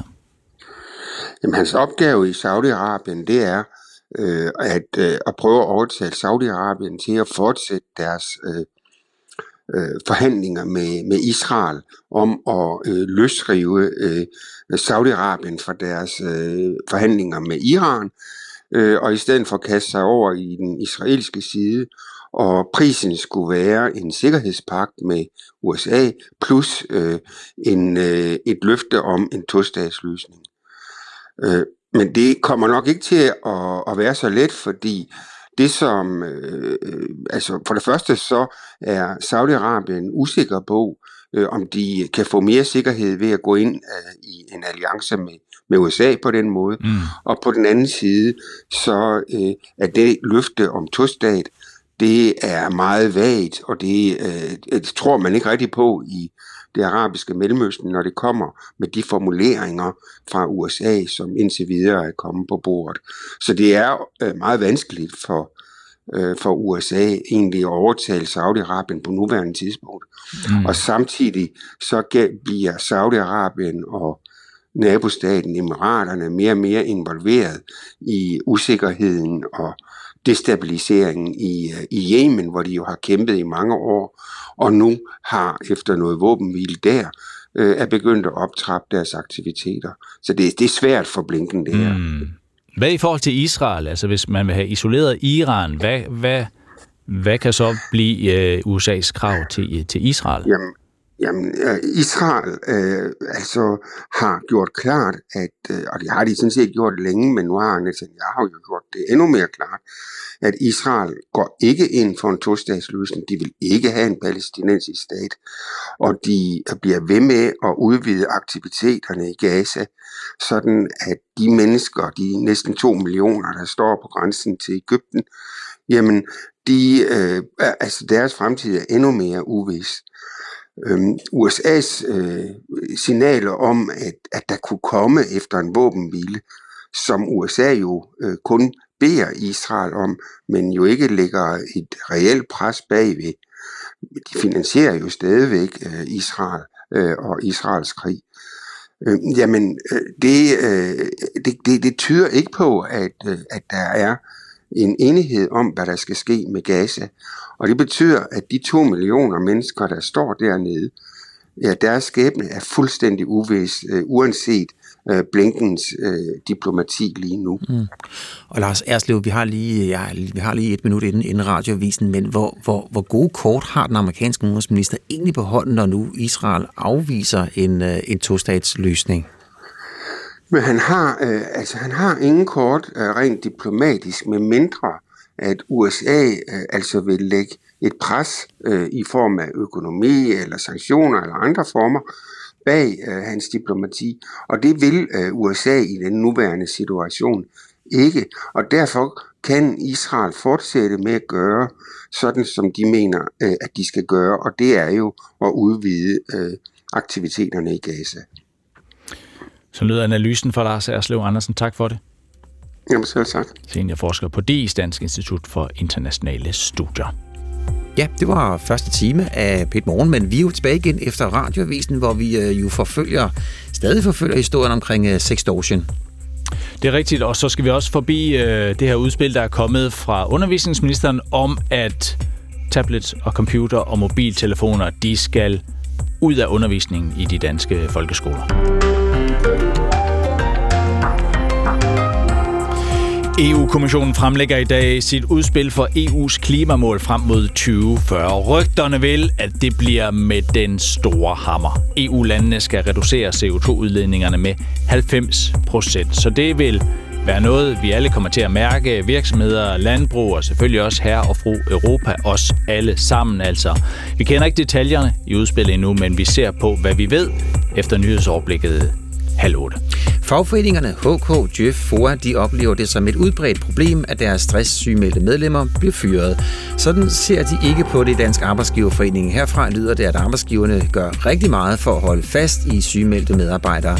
Vi taler med Dansk Arbejdsgiverforening, og det er om et kvarter. Ja, så lyder et par historierne i den her time af p Morgen, og så skal vi også forbi, øh, forbi øh, Kong Charles. Britterne kunne i går sætte sig ved middagsbordet med nyheden om, at deres, øh, deres Kong Charles har fået konstateret kraft. Så hvad gør kongehuset nu i Storbritannien, og hvordan reagerer britterne? Mm. Velkommen til endnu en runde Pit Morgen. Vi skriver tirsdag den 6. februar. Det regner, så derfor bliv indenfor. Lyt til, til radioen. I studiet næste par timer også to Ole Brink og Bjarne Stensbæk. Jeg er kommet i den situation, at jeg har fået optaget en video, hvor jeg er i en uheldig situation, parentes nøgen, og hvor der er blevet truet med, at videoen bliver delt. Sådan lyder et opslag sidste år fra en anonym bruger på det sociale medie, medie Reddit. Og han er ikke alene. På bare et år er antallet af anmeldelser, hvor unge mænd blev udsat for såkaldt sextortion, fordoblet. Og det er fra 600 i 2022 til 1200 anmeldelser sidste år. Og kontakten mellem offer og svindler foregår på en lang række platforme, internetplatforme. Det fortæller Anja Radeka. Hun er faglig leder for rådgivning Stop Chikane, Stop, Stop Chikane, som netop rådgiver voksne udsat for digitale krænkelser. Det opstår typisk ved, at øh, en ung mand øh, møder en, det, der giver sig ud for at være en kvinde på internettet, og så starter de en fløjt, en samtale, der så går hen og bliver fortrolig og mere intim. Og der bliver måske delt nogle nøgenbilleder af en kvinde til ham, øh, som vækker noget tillid i ham til også at sende nogle billeder den anden vej. Kort tid efter han har sendt billederne, så øh, bliver han truet med, at billederne vil blive delt til hans venner, hans familie, hans arbejdsplads, hvis ikke han overfører nogle penge inden for 24 timer. Og nu godmorgen til dig, Line Stavngård. Godmorgen. Du er chef for beskyttelse mod digitale krænkelser hos Red Barnet. Det problem, jeg nu vil tale om en, en fordobling, men hvor stort og udbredt et problem er det, som I ser det? Vi har faktisk siden sommeren på vores rådgivningstjeneste Slette oplevet den her bekymrende tendens, hvor særligt drenge udsættes for økonomisk sextortion. Og det er jo rigtig alvorlige sager, og vi ser også en stigning og har faktisk været ude flere gange og gøre opmærksom på det her. Ja, jeg kan forstå, at det er drenge ja, helt ned i alderen 14, 14 til 17 år. Ja, og det, vi ser jo øh, dem, der er under 18 som oftest, og faktisk helt ned til, til 14 år. Og øh, man kan også sige, at målet med den her form for afpresning er jo kønnet, fordi vi ser ofte sextortion af unge kvinder, hvor det handler om at få mere materiale ud af dem, som de her ret kyniske bagmænd øh, kan anvende, mens at nu har de virkelig fundet et trick med drengene, at man kan simpelthen presse dem til at betale penge. Og vi oplever desværre også, rigtig mange af drengene allerede har betalt penge til afpresseren, når de ringer til os. Mm, hvordan foregår sådan en samtale, når en, en, en dreng på, på 14 år ringer ind og måske allerede har betalt gennem, gennem måneder? Jamen de føler sig fuldstændig magtesløse og står jo i en desperat situation og er rigtig bange. Øh, det er jo helt naturligt, at det her med, at man ikke har lyst til øh, at dele sin seksualitet med sine forældre, og derfor er der rigtig mange af dem, der prøver at klare det selv, og det er derfor, de betaler pengene, plus at de her øh, afpresser er ekstremt aggressive og ved lige præcis, hvad det er, de skal gøre for at presse drengene nok. Ja, hvad er det, de gør? Hvordan afpresser de? Jamen, de kan blandt andet finde på at lave nedtællinger, de kan finde på at sende billeder af... Øh, drengens sådan nærmeste familie, altså en venneliste, at de ligesom viser det her med, at vi kan fange dig. De laver deres øh, research super godt, og det vil sige, at de, gør, at de trykker på alle de knapper, der gør, at, øh, at drengene de begynder at betale. Og det er også rigtig vigtigt at sige det her med, at mange gange så holder de jo heller ikke op, når drengene betaler. Så de skal virkelig, virkelig passe på med at begynde at betale de her afpresser, fordi at det stopper ikke. Hmm, en nedtæller? Ja, altså så kan man for eksempel se, at de, de laver et ur, der tæller ned, og så siger de, at hvis du ikke øh, inden for de næste 10 minutter sender øh, penge til mig, så, øh, så får øh, din familie, dine forældre, dine venner det her billede. Hmm. Hvad, så, så øh, og går ud fra, at der er et stort mørketal, men dem, som så ringer ind, og vi taler jo om en fordobling, der er sket. Hvad er så jeres råd til de her drenge unge mænd, som bliver udsat for det? Først og fremmest så skal de ikke give efter. De skal ikke betale nogen penge. Dernæst så skal de prøve at sikre beviser, og de skal sørge for at anmelde det. Fordi det er rigtig vigtigt, at vi får anmeldt alle de her øh, sager. Også selvom at det nogle gange kan være svært at finde bagmændene, så er det stadig vigtigt, fordi der skal også flere ressourcer til det her område. Og så er det vigtigt at huske den psykologiske førstehjælp, som vi selvfølgelig også giver, at de er ikke alene. Der er mange af de her drenge, der tror, at de er de eneste, der oplever det her, og føler sig enormt skamfulde. Men, øh, men det er de ikke, og derfor er det også vigtigt, at, øh, at drengene derude ved, at, øh, at vi kan hjælpe dem med det her. Mm, hvordan, kommer, hvordan kommer man videre fra sådan noget? Jamen, vi kan gøre forskellige ting i slette. Altså, vi kan selvfølgelig hjælpe øh, dem, der ringer ind, uanset om det er en forældre eller en ung, der ringer til os. Så kan vi hjælpe dem med at anmelde. Vi kan hjælpe dem med alle de trin, der skal til, for også at få fjernet materialet efterfølgende. Altså, vi kan godt lave oprydningen efter sådan noget her er sket. Og det kan vi, fordi vi er trusted flaggers, og vi kan have en direkte linje ind til alle de store øh, sociale medieplatforme, og vi kan hjælpe med at finde materialet. Og, og, og drengen, hvad skal drengen gøre med, øh, med sin skam? Jamen, det er jo virkelig vigtigt, at de får at vide, at det her, det er ikke dem. Altså, det er ikke deres skyld. Øh, det er helt naturligt at ville udforske sin seksualitet, og man er godtroende og tror, man taler med en flørt. Øh, det, det er der ikke noget øh, unormalt i, og det er også rigtig vigtigt det her med at vide, at det er dem, der sidder og afpresser, der gør noget meget forkert. Og det er også vigtigt, at forældrene forstår det, fordi vi skal jo have forældrene til at være med til at gribe de unge. Så der er et ret stort oplysningsarbejde til forældre og andre voksne omkring unge, fordi de kan gøre en positiv forskel i det her. Hvad skal han sige til, til vennerne? Jamen, man kan jo for eksempel opfordre sine venner og familie til, hvis man ved, at man står i sådan en her situation, og der er nogen, der sender noget til dem, så kan man jo bede dem om at lade være med at åbne det, øh, og man kan bede dem om forståelse. Men det er også bare rigtig vigtigt, at både venner og forældre og andre voksne også er med til at bakke op, fordi dem, der har ansvaret, dem, der skal have Ja, det lød som om forbindelsen røg, men det kan være, at vi er heldige, at den pludselig er der igen. Kan du høre os, Aline? Nej, desværre desværre. Nå, jamen det, ja, det, må vi, øh, det må vi beklage, men vi kan jo fortælle, mm. at vi, øh, vi, vi, vi, vi, vi taler også med politiet, fordi mange af de her sager, der bliver kun rejst ganske, ganske få stikkelser, og politiet forklarer, at øh, det er, fordi det er så velorganiseret, at man taler om, at der findes afrikanske fabrikker. Men om det øh, senere. Klokken er blevet 13 minutter over syv. Ja, og så skal jeg også lige sige tak. Tak til dig, Lille Stavngård, og du er chef for Red Barnets team til beskyttelse mod digitale krænkelser.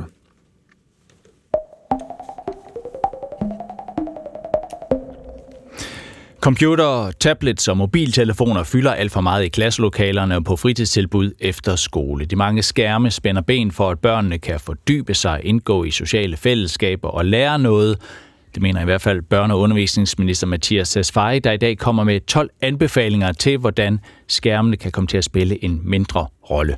Og anbefalingerne til skolerne og fritidstilbudene lyder blandt andet på at indføre mobilfri skole, at spærre adgangen til ikke-relevante hjemmesider og at lægge tablets og computer helt væk, når ikke de skal bruges i undervisningen. Men nu har vi medieanalytiker og forfatter Camilla Melsen. Godmorgen. Godmorgen. Du er aktuel med bogen Opmærksomhedstyveriet og har læst de her 12 anbefalinger. Er det gode anbefalinger? Ja, det er, og det, de er særlig gode, fordi det netop er anbefalinger. Altså de nye anbefalinger, det er et vigtigt signal om, om skærmbrug øh, på skoler og fritidstilbud midt i en ret så ophedet øh, debat. Og øh, signalet fra ministeren er jo ret tydeligt. Det er væk med mobiltelefonerne og skrue op for, den, for det analoge.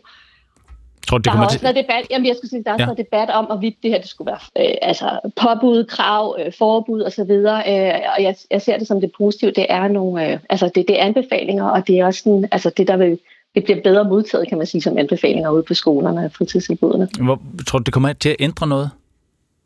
Ja, fordi det er et tydeligt signal, øh, som, og man skolerne er jo allerede rigtig godt på vej med at, at indføre kan man sige, mobilpolitik og have sådan, øh, opmærksomhed på, hvordan er det, vi bruger skærmerne, og det, og det ikke, at skolen ikke bliver for digital.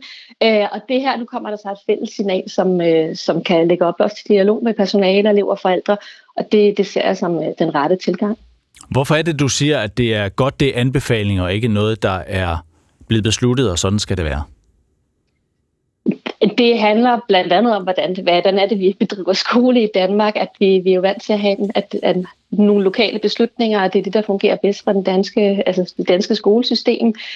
Det kommer altså også efter, at vi i mange år har set den her øh, begejstring for det digitale, og der har været altså, pres også fra nationale politikere til at indføre mere af digital undervisning. Øh, så jeg synes også det her med at, at tage altså, det, det ene årti, der kan skolen ikke blive digital nok, mm. og Mm. næste årti, så kan den kun være analog. Altså jeg synes det her, vi skal jo ligesom også have, have, have skolens aktører med på rejsen.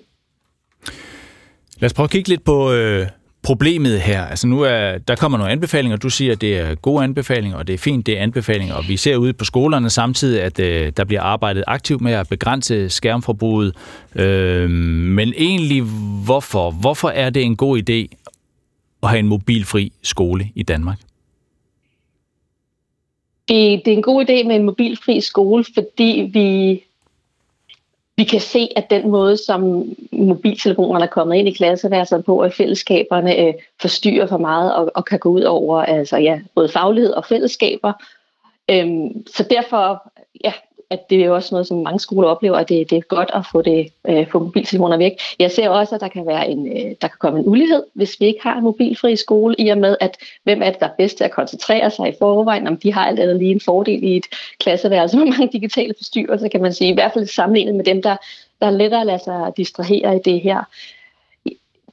Jeg siger, jo, jeg siger jo sådan set, at, at det er godt, at der kommer anbefalinger. Jeg siger ikke samlet set, at alle anbefalingerne er, er gode. Og noget af det, som, man, som jeg synes, at det, de her anbefalinger forbigår, det er jo, at, at det tager ligesom skærmbrug i skolen sådan over en, øh, en kamp. Altså, men der er selvfølgelig meget stor forskel på, om eleverne de ser de ultranyt i klassen, øh, laver de øh, matematikfæsser, er det en digital quiz, eller sidder de og shopper på Zalando, mm. eller, eller spiller Subway Surfer.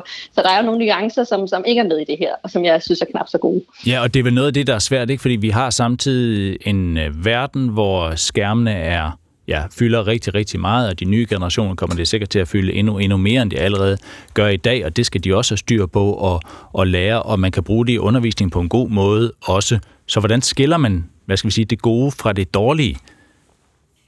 Ja, det, det kunne jeg jo godt have savnet, der var noget om i de her anbefalinger. Altså overskriften er jo, det er sådan skærmbrug i skole, men i virkeligheden handler det rigtig meget om øh, digitale forstyrrelser, digitale distraktioner, og de digitale forstyrrelser kommer jo i høj grad ja, fra mobiltelefonen, det kommer i høj grad, fra, jamen, fra spil og fra sites, som ikke har noget undervisningsfagligt øh, at, at gøre. Ikke? Så der kunne godt have været mere sådan, om, det er jo ikke, at man, fordi at man bliver digitalt forstyrret med at sidde og skulle lave nogle opgaver i et digitalt læremiddel, eller eller arbejde på, altså på computeren på, på særlige måder. Så det, der skal dæmmes op for, det er jo de her kan man sige, apps-tjenester, der, øh, der er designet til at fange og fastholde øh, opmærksomhed. Ja, og det er vel noget af det, der er en lille smule svært ved sådan nogle anbefalinger, ikke? At det er svært at definere det, du siger der i en anbefaling. I hvert fald kan man sige, at overskriften på, på de her anbefalinger er skærmbrug i skolen, men i virkeligheden handler det meget mere om, hvordan håndterer skolerne håndterer, altså øh, de digitale distraktioner. Ikke? Så det kunne, man, det kunne man godt have tydeligt gjort noget mere. Øh, der er også et af, en af anbefalingerne handler om, at, øh, at, at, at det her med at lægge mobiltelefonen fra sig, det er sådan, digital dannelse, øh, men digital dannelse er også et meget større spørgsmål end en mobilforbud. Altså, der kan jo være rigtig som jeg har sagt, der er mange gode grunde til at fjerne mobiltelefonen fra skolen og fra, fra klasseværelset, fordi det forstyrrer matematikundervisning, men det, er jo ikke, det handler egentlig ikke særlig meget om digital dannelse. Mm. Hvad, hvad er for dig så digital dannelse? Altså, hvordan kunne det øh, lyde i en anbefaling? Det kunne godt, altså, at det er skolerne, det er et vigtigt arbejde, at uh, for skolerne at, at have fokus på digital dannelse, det er at, uh, at lære at altså indgå hensigtsmæssigt i digitale fællesskaber, hvordan er det, eleverne øh, begår sig, øh, indgår i digitale fællesskaber, som, vi jo også gør. Og det er jo også en del af, skærmbrug, kan man sige, i, i skolen, og, og den, den, mm. den opgave, der pålægger skolerne at arbejde med digital dannelse. Så de her anbefalinger, det siger egentlig ikke rigtig noget om arbejde med digital dannelse eller teknologiforståelse. Det handler i første og fremmest om digitale forstyrrelser. Der er så, altså nu taler vi om, om skolen her. Der er også noget, der handler om øh, mobilfri fritidstilbud. Der er også øh, nogle anbefalinger. Det gør dig en lille smule bekymret. Hvorfor? Ja, og man kan virkelig sige, at det, det, det er nok her, det, det nyeste, der ligger med de her anbefalinger, fordi de andre udmeldinger har vi hørt ministerne tale om sådan før, men, men det her med, at der er en klar anbefaling om at indføre mobilfri fritidstilbud, og man kan sige, at det er alt andet lige meget nemmere at indføre en mobilfri skole. Eleverne øh, skal være der obligatorisk, og det, øh, og det har de allerede erfaringer med. Når vi snakker om, om fritidsudbuddet, og særligt altså fritidsklubberne, der, der, er det jo, der er det jo frivilligt, der skal man jo sikre sig, at man også har øh, altså forældrene og, og børnene med på det her. Vi ser allerede i dag en udfordring med, at der, at der er de større elever øh, vælger klubberne fra. Der er rigtig mange, der Altså, det kan være andre fritidsaktiviteter, men nogle af de fritidsaktiviteter kan jo være, at man går hjem og gamer, eller man hellere vil være sammen, mm. altså digitalt derhjemme. Og hvis det her, altså et af, et af det, der lag, altså kerneformålet med de her anbefalinger, handler jo også om, om altså, ja, både faglighed og fællesskaber.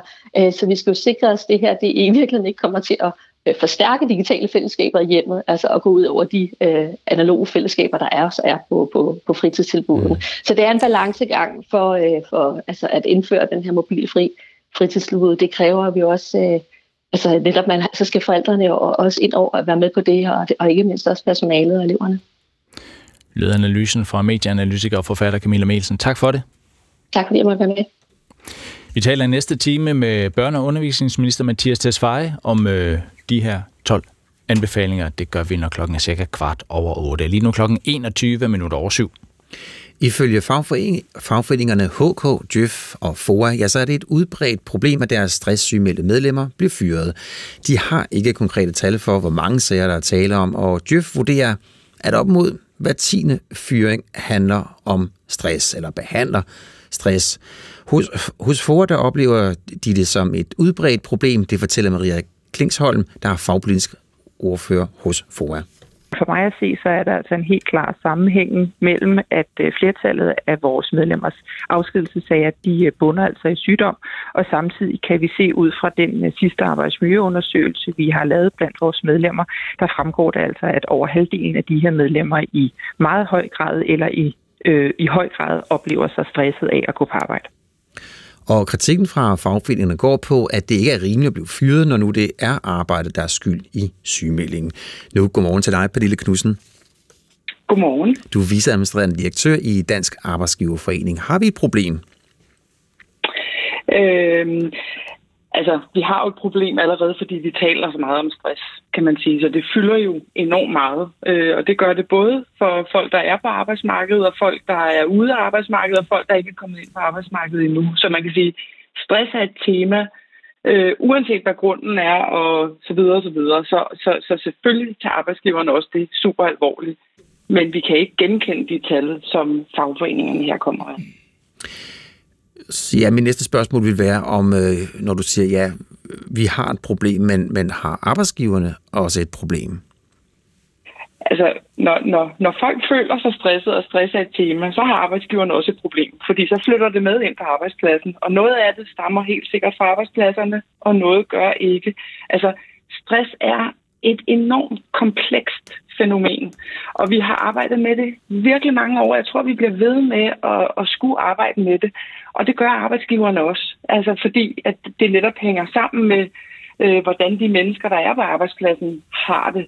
Så, så, så, så jeg, jeg, det er helt klart, der er et tema omkring det, men, men det, som fagforeningerne her øh, går ind i, det er, at de siger jo, at det primært øh, stammer fra arbejdet, og at arbejdsgiverne tager den konsekvens, at de fyrer medarbejderne på grund af det. Og det er det, jeg ikke kan genkende. Det er simpelthen ikke det, vi hører, det er ikke det, vi oplever. Øh, det her, det er jo lidt noget, der er jo ikke så meget data på lige præcis det her, men, øh, men vi har til, til gengæld nogle, nogle tilbagemeldinger fra virksomhederne, at, at man tager det super alvorligt, og man strækker sig enormt langt for at få det til at fungere, når folk ikke har det godt. Mm. Så anfægter I, at fagforeningerne oplever det her som et udbredt problem? Altså, jeg anfægter ikke, at de oplever det, men, jeg, men jeg anfægter, at de har ret. Øh, nu, nu er det her jo en lidt mærkelig diskussion, fordi der er, det, det er svært, som sagt, at få data på det, og det, her, det er fagforeningerne heller ikke kommet med her. De er kommet og sagt, at det der er deres oplevelse, og så er vores modsvar øh, baseret på faktisk de tilbagemeldinger, vi får, at det er ikke oplevelsen. Øh, altså, oplevelsen er, at man tager det alvorligt ude på arbejdspladserne. Man gør meget for at fastholde medarbejdere, der ikke har det godt. Øh, og, og nogle gange, så er det klart, så, så må man skilles ad, og det kan der være mange forskellige grunde til. Men hvis nu man siger, at man har medarbejdere, der har været ramt af stress, og det er rent arbejdsrelateret, og det har varet enormt lang tid, så kan det jo faktisk godt være, at det i sidste ende er godt både for mm. den enkelte og for arbejdspladsen og kollegerne, at man skiller sig af, altså man, man, man stopper samarbejdet, øh, fordi det har mange konsekvenser, både menneskelige og økonomiske. Så, så det, det, altså, der, der kan være gode grunde til det, og så er der helt sikkert også nogle dårlige grunde. Altså, øh, og så har man jo heldigvis nogle muligheder for at øh, lægge en sag an mod sådan nogle arbejdsgiver. Ja, og du siger, at I kan ikke genkende de her tal, så, så hvad er Nej. de rigtige tal? Jamen det har vi jo heller ikke, fordi det er en, det er en enorm svær øh, størrelse at have mere at gøre stress. Der, der, der vil være meget af det, som, som også stammer fra nogle ting, man måske har i sit liv. Og det kan sagtens stamme også fra arbejdet, og det kan rigtig ofte være en kombination.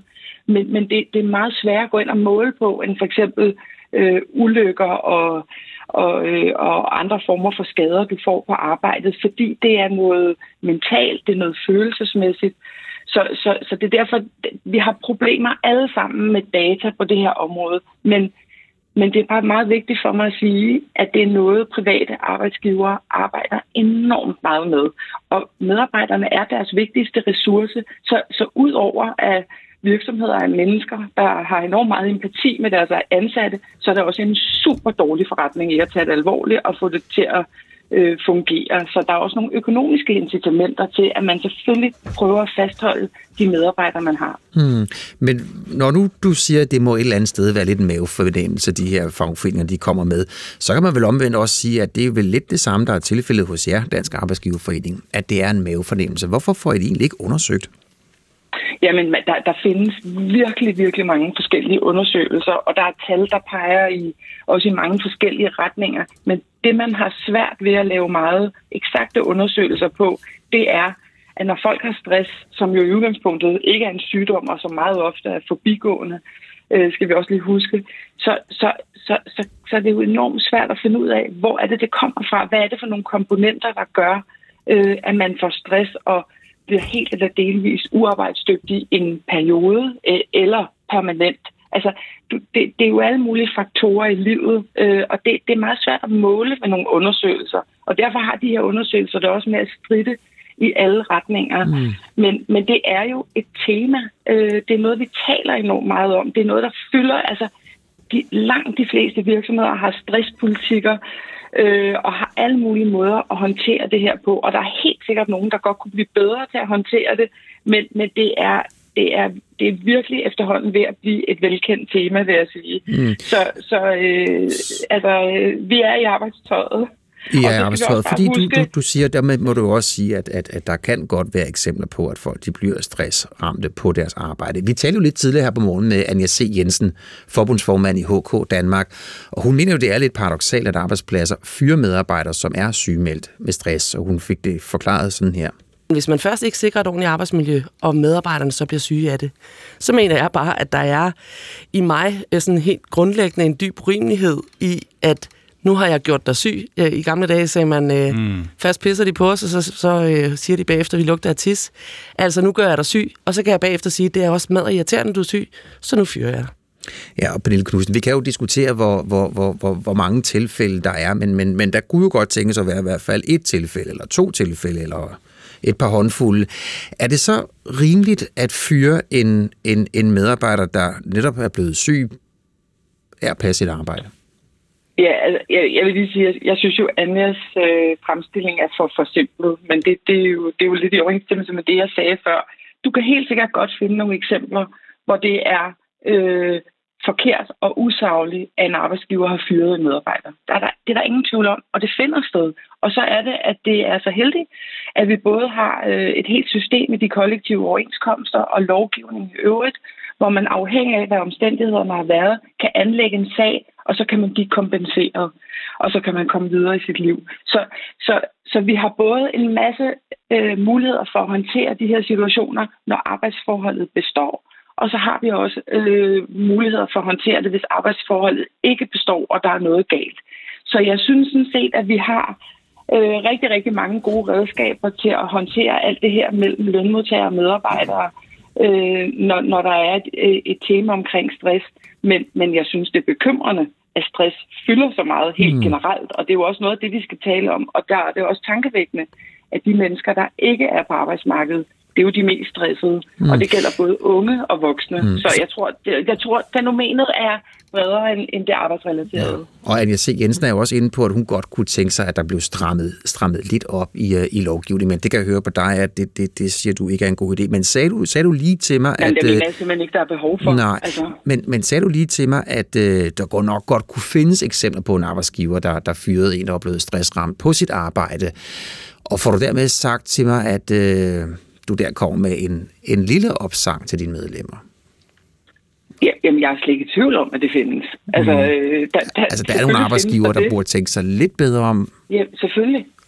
Sådan er det med alle sager. Det, mm. det kan man slet ikke undgå. Altså, og, der, øh, og som arbejdsgiverorganisationer, der både har vi et ansvar, og påtager vi os et ansvar øh, og, og prøver at forklare de virksomheder, som er medlemmer hos os, øh, altså i, i de organisationer, der er medlem af DA, øh, at man selvfølgelig skal overholde øh, de regler, der gælder, hvad enten det stammer fra lovgivning eller eller kollektive mm. overenskomster. Det er et arbejde, der pågår hver eneste dag. Ja. Og der vil Pernille... altid være nogen, der kan gøre det bedre. Ja, så Pernille Knudsen, viceadministrerende direktør i Dansk Arbejdsgiverforening. Hvornår kommer den opsang til jeres medlemmer?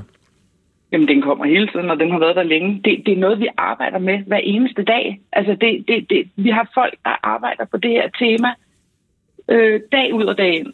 Så, så det er en dialog, der er øh, hele tiden, og, øh, og, jeg, og som sagt, altså, arbejdsgiverne er, de private arbejdsgiver, det er jo dem, jeg øh, kender. Mm. Jeg, jeg, jeg arbejder jo ikke med de offentlige arbejdspladser, så det, det, det er på den baggrund, jeg taler der, der, der fylder arbejdet med det her enormt meget hos langt de fleste. Og så er der nogen, øh, som, som, øh, som ikke tager det alvorligt eller ikke arbejder med det, og dem prøver vi at nå øh, på alle de måder, vi kan. Men, øh, men der vil helt sikkert være nogen, som, som ikke gør det. Som skal have en opsang. Og de må så tåle en sag. Ja, ja, det er helt sikkert. Den, og den fik du så også afleveret her. Tak for det, Pernille Knudsen. Ja. Det var så lidt.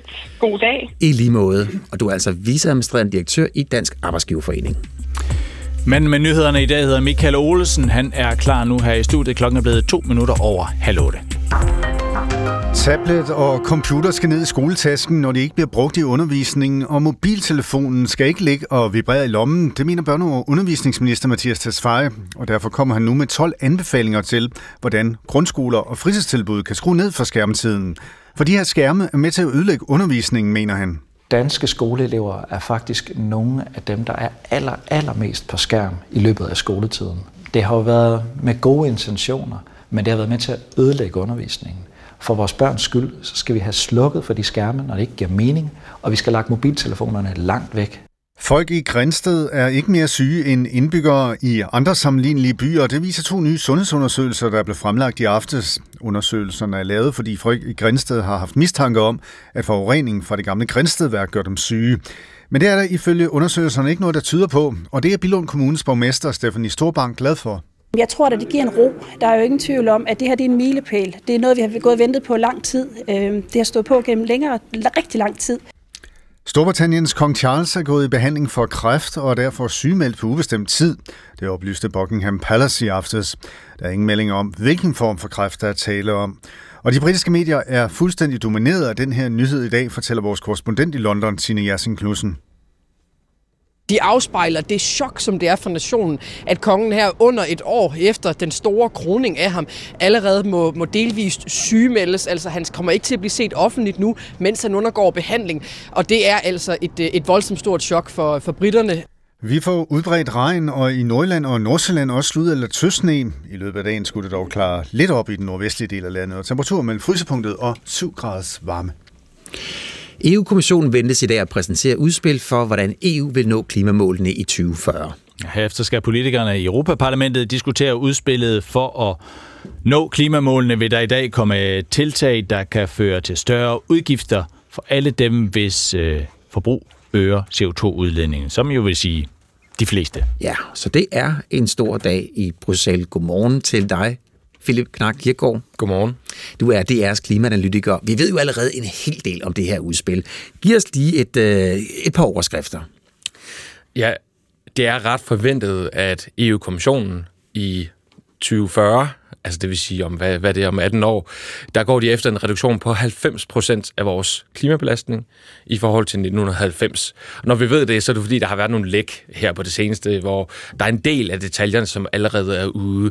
Og det var også det, som der var forudset, fordi EU's klimaråd sådan det har de også i EU, ligesom vi har i Danmark, de havde anbefalet, at det skulle ligge på omkring 90-95, og en del lande her blandt Danmark har altså været ude at sige, at det bør ligge på 90. Mm. Og det er så 2040. Er det her stort og ambitiøst? Ja, bestemt. Altså, man kan nærmest ikke øh, overdrive det. Indtil videre, så har klimamålene jo handlet om, øh, ja, for, for EU, så er det så 55 procent i 2030, og øh, i 2020, så er det 20 procent. Og sådan som det har været indtil videre, så har det været nemt at skaffe de her reduktioner med i høj grad med vedvarende energi. Og det, selvfølgelig lægger man mærke til det, hvis man får en vindmølle i baghaven eller sådan noget, men for de fleste, så går de går ikke op i, om deres øh, strøm fra stikkontakten, det kommer fra en vindmølle eller en solcelle. Så det har altså været sådan relativt nemt at få de her første reduktioner. Nu bevæger vi os op i noget helt andet. Nu er det noget meget mere samfundsindgribende. Det kommer til at ændre en masse. Det kommer også for eksempel EU her med en ny klimapakke, som blev vedtaget sidste år, har de fået mulighed for at gøre det dyrere at køre i bil, hvis du øh, kører på, på fossil brændstof. Ikke? Eller det, de har også øh, gjort det muligt at gøre det dyrere at fyre med et gasfyr, for eksempel. Så det er altså noget, hvor EU ikke tidligere har haft en indgriben, men det får de altså nu, og der kan de altså stramme den her skrue. Så det, øh, kommissionen kommer med i dag, er det et tal, Altså der hedder 90 procent, eller siger de også, her er 90 procent målet i 2040, vi når det sådan. Hvor konkrete øh, tror du, de vil være? Det, det bliver et tal, et overordnet tal. Og det, der typisk er med sådan nogle overordnede tal, det er jo, de er svære at forholde sig til. Og derfor er jeg også rigtig spændt på, om det her tal, det er noget, som vil vække opsigt rundt omkring. Det, det er jeg sikker på, at der er mange, som, så som mig og andre journalister, vi vil jo virkelig holde øje af organisationer og virksomheder, som også investerer ud fra de her grønne løfter osv. De vil også holde øje med det. Men sådan den almindelige dansker, den almindelige europæer, vil de opfatte, hvor stort det her det egentlig bliver? Nej, måske ikke. Måske det er først senere, hvor de mere konkret konkrete udspil, de kommer. Men de vil altså komme, fordi der skal jo løse op det her, til det her overordnede tal. Det skal vi fat i, at senere, der vil her fru Europa komme til at opdage det her. Hvordan? Ja, altså for eksempel, øh, så EU's Klimaråd har jo påpeget, at landbruget indtil videre ikke har haft sådan konkret klimaregulering. Der har været forskellige grønne elementer af EU's landbrugsstøtte for eksempel, men EU's klimaråd siger, at det har faktisk ikke haft nogen effekt på klimaet overhovedet. de kan i hvert fald ikke se det.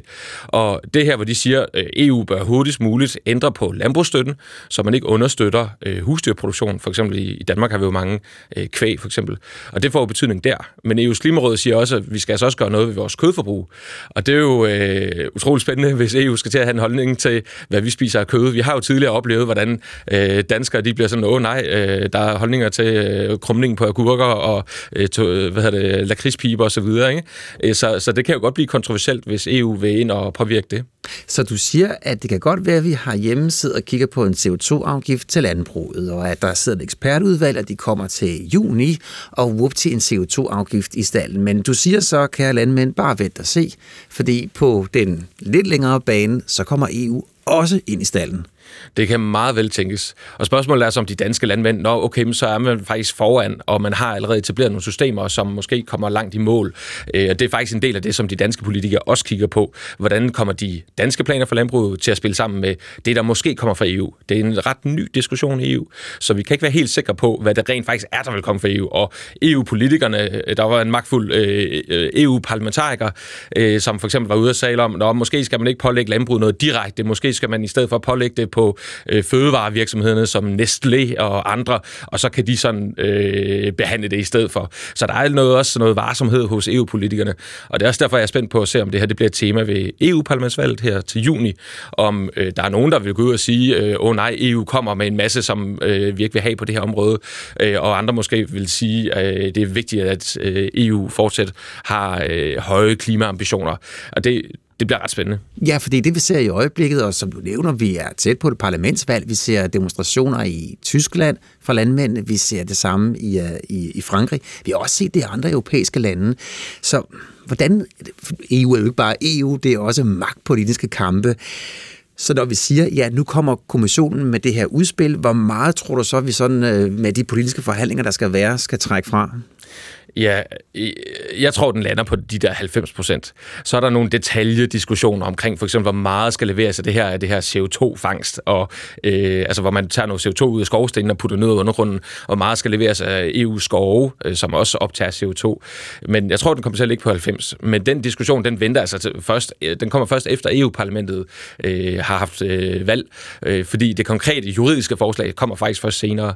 Og det nye parlament, der bliver stemt ind, der er det jo spændende at se, om der er nogle nye partier eller nogle andre typer politikere, som bliver stemt ind, som vil have et andet syn på det her. Det har vi jo set i nogle lande, at der er så også et modtryk i forhold til, det må ikke være for dyrt, øh, de her forskellige klimatiltag.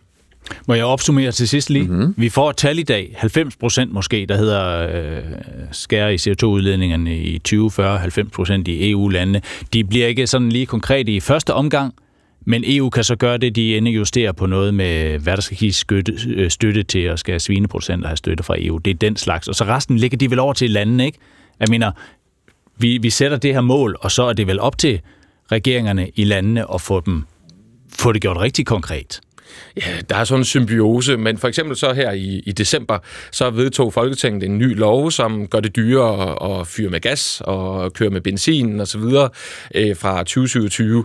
Men, øh, så det er jo egentlig en dansk lovgivning, men det overordnede mål, det kommer altså fra EU. Så der er jo sådan mm, en mm. symbiose i det.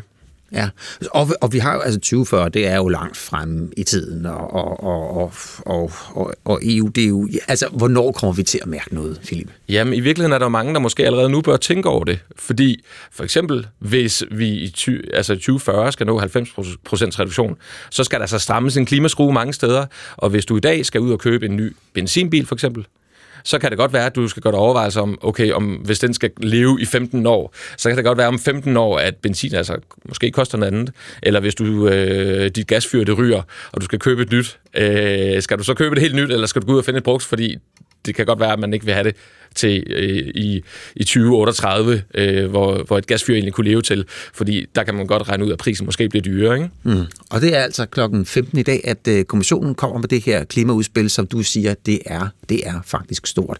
Mange tak for øh, besøget, Philip Knark Kirkegaard, og du er DR's klimaanalytiker. Ja, sådan blev klokken næsten kvart i otte. Det bliver et hurtigarbejdende, uafhængigt udvalg, der skal vurdere FN's organisation for palæstinensiske flygtninge, det der også bliver kaldt øh, UNRWA, efter Israel har anklaget 12 medarbejdere for at have deltaget i Hamas' angreb den 7. oktober. Med i udvalget er øh, det Danske Institut øh, for Menneskerettigheder. Det fremgik af en pressemeddelelse fra FN i går. Louise Holk, godmorgen. Godmorgen. Direktør i Institut for Menneskerettigheder. Jeg arbejdet begynder her den 14. februar under ledelse af en tidligere fransk udenrigsminister. Øh, I er, I er blandet ind i det. Hvad er, det. hvad er det for en opgave, I skal i gang med? Den opgave, vi er blevet bedt om at deltage i, det er sådan en ret afgrænset område, øh, eller opgave. Det handler om, at, øh, at UNRWA, altså FN's hjælpeorganisation for palæstinensiske flygtninge, er blevet kritiseret for en, for en række ting, og blandt andet er der stillet spørgsmålstegn ved, om organisationens ansatte og aktiviteter de er neutrale. Mm. Og det skal de være, fordi organisationen og FN bygger på nogle humanitære principper, og neutralitet er et af dem. Og øh, vores opgave den går ud på at kigge på, hvilke mekanismer og procedurer man har på plads i dag for at sikre den her neutralitet, og for at se på, om og så går den ud på at se på, om de her øh, mekanismer og procedurer, om man lever op til dem i praksis. Og endelig så skal vi også se på, om, om det, der er på plads, om det så er tilstrækkeligt, og, og det, der skal være, eller man i virkeligheden skal gå ind og justere, eller ændre, eller tilføre noget nyt. Så det knytter sig mm. til interne mekanismer og procedurer for, for UNRWA. Lige nu er der jo krig i Gaza. Altså, hvordan er det, er det et stykke papirarbejde, det I skal i gang med, eller skal I derned og tale med mennesker? Altså, øh, det, øh, det bliver i høj grad knyttet, eller baseret på øh, de procedurer og mekanismer, der er der, men vi kommer også til at have en, en dialog med, med UNRWA-systemet som, som sådan. Men man skal holde sig for øje, at det er altså en, en opgave, som knytter sig specifikt til de her, øh, altså i udgangspunkt eksisterende mekanismer og procedurer, og øh, spørgsmålet, om de, de er, som de skal være, eller om de skal justeres. Og nu, jeg vil lave ud med at lige at sige, øh, at det er Israel, der øh, anklager 12 UNRWA-medarbejdere for at have spillet en rolle i, i terrorangrebet øh, 7. Oktober. Wall Street Journal, avisen Wall Street Journal, har skrevet, at 10 procent af de 12.000 medarbejdere i Gaza er tilknyttet Hamas. Sådanne konkrete oplysninger og påstande, det, det skal I ikke kigge på. Nej, det er ikke vores opgave at se på de anklager, der er blevet rejst mod øh, de her øh, specifikke UNRWA-medarbejdere. Øh, og det er heller ikke vores opgave generelt at gå ind og, og forholde os til, til det, du nævner der. Det er meget konkret at se på, hvad har man øh, som denne her store organisation i forhold til at sikre øh, neutraliteten, og er det det rigtige, man, man har på plads. Men man kan vel godt have en, hvad skal vi kalde det, en rigtig konstruktion, øh, sådan øh, på papirniveau, og samtidig er det noget andet, der er derude i virkeligheden.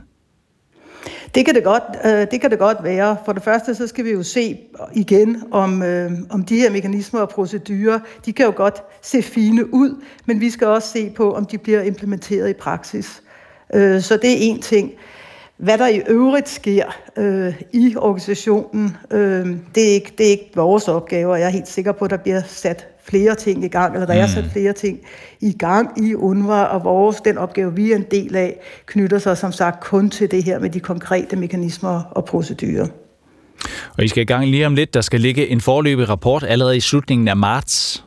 Kan man nå noget som helst af sådan et altså, stykke arbejde der? den rapport skal øh, øh, skal være klar øh, sidst i april.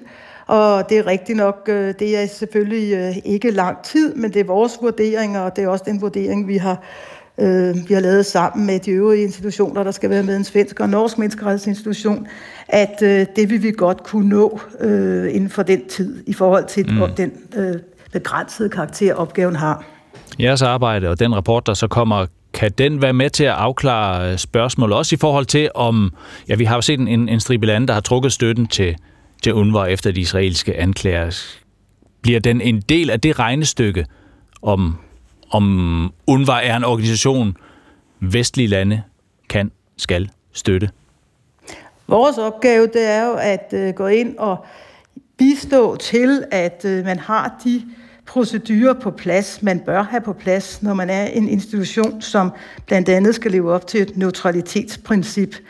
Og, øh, og, og de anbefalinger, vi måtte komme med, skulle gerne være med til at styrke det her, hvis der skulle være problemer af den ene eller den anden karakter. Mm. Men der tror jeg, man skal se det hele i et lidt, i lidt bredere perspektiv. Det er en kompliceret problemstilling, og det er en stor organisation, og den opgave, vi er blevet bedt om at deltage i, den har altså en relativt begrænset karakter. Fortalte Louise Holk. Tak for det. Selv tak. Held og lykke med arbejdet. Direktør i Institut for Menneskerettigheder.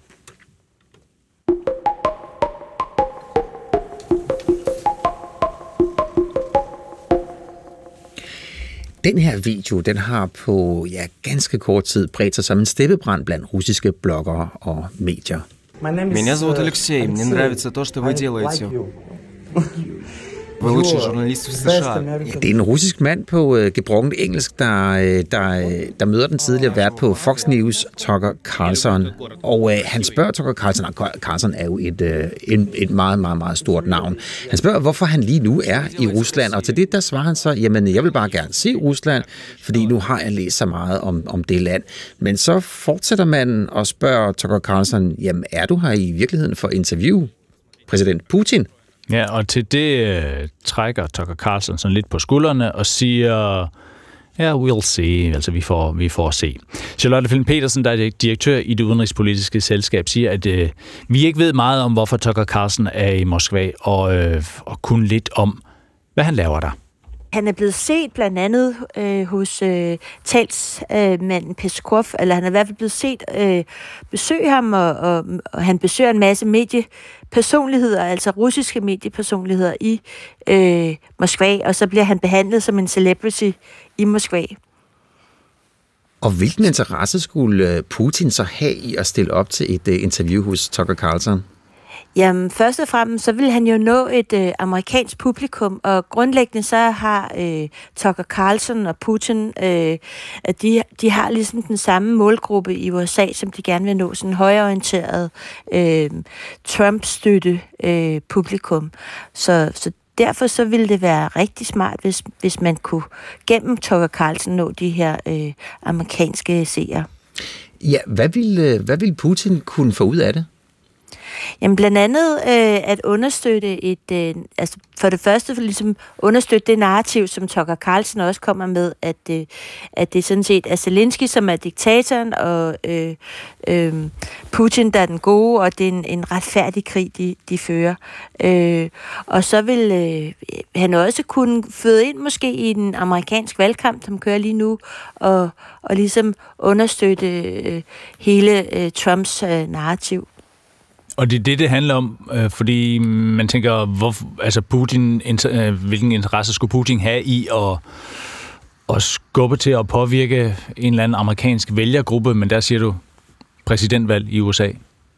Blandt andet, men egentlig også øh, præsidentvalg i, Rus- i Rusland, som finder sted her i den 17. marts, øh, hvor han ligesom kan vise, at jeg er, en, en, jeg er altså en interessant person, så jeg optræder på øh, øh, amerikansk tv, og, og derved så kan, kan man også finde få en eller anden legitimitet. Spørgsmålet er, om Tucker Carlsons kanal øh, gennem Twitter er, er stor nok til, til Putin, og det er måske det, der afgør, om han, han får et interview. Men, øh, men det ville være en måde også at, at booste sig selv internt, hvor han ligesom siger, at jeg er en, en, en tilstrækkelig spændende person til at øh, og, og, og ligeværdig til en form for interview med... Øh, altså et interview på amerikansk tv. Mm, men hvis nu det er, altså, at, det, at han, han kan få noget ud af det, Putin, hvorfor er det så, så svært at få et øh, interview med ham?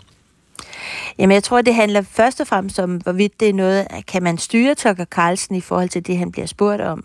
Og det andet, det er, øh, om øh, man kan sige, øh, er Tucker Carlsens kanal øh, tilstrækkelig øh, altså interessant, altså vil det give det rigtige image for, for Putin at blive interviewet af Tucker Carlsen på, på, på, det er jo på hans kanal på X, som det kommer ud på. Det er jo ikke Fox News, som det var før.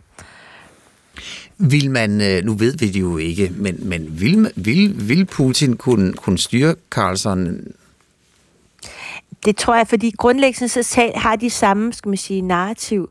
Så på den måde, så er altså det, det, det, det samme fortælling, og det er ikke fordi Tucker Carlson øh, øh, bliver fortalt, hvad han må sige, men det er simpelthen fordi, det pas, de passer ind, de har den samme sandhed, kan man sige, om hvordan verden hænger sammen. Hvilket spørgsmål vil Slotte Flint Petersen stille Putin? Jamen, jeg vil nok stille noget om, altså, øh, altså, måske det, hvorfor, hvornår besluttede du dig for at invadere Ukraine? Mm. Og dig, Ole? Det synes jeg var et godt, et godt spørgsmål. Men alle mulige spørgsmål, der handler om Ukraine og, øh, og det, der er sket, og øh, hvordan fremtiden ser ud for, for Putin. Mm. Tak fordi Nå, du... øh, øh, Ja, Bjarne, ja. du, du kan da ikke bare... Øh, hvad med dig? Nå, jeg vil spørge, vil du virkelig bruge atombomben? Det har han heldigvis ikke gjort Nej. endnu. Mm. Men, men om han vil det? Ja, det hænger sådan og svæver lidt. Vil det være et helt dumt spørgsmål, Slotte? Øh, nej, det vil det ikke, fordi han har jo leget med det. Altså ikke sådan, han har antydet, at han ville, og ligesom troet med det og brugt det lidt. Øh, så det synes jeg også er et godt spørgsmål. lød det fra Slotte Flint Petersen, direktør i det udenrigspolitiske selskab. Og kreml Peskov, han har været ude og kommentere rygterne om det her møde mellem Tucker Carlson og den russiske præsident.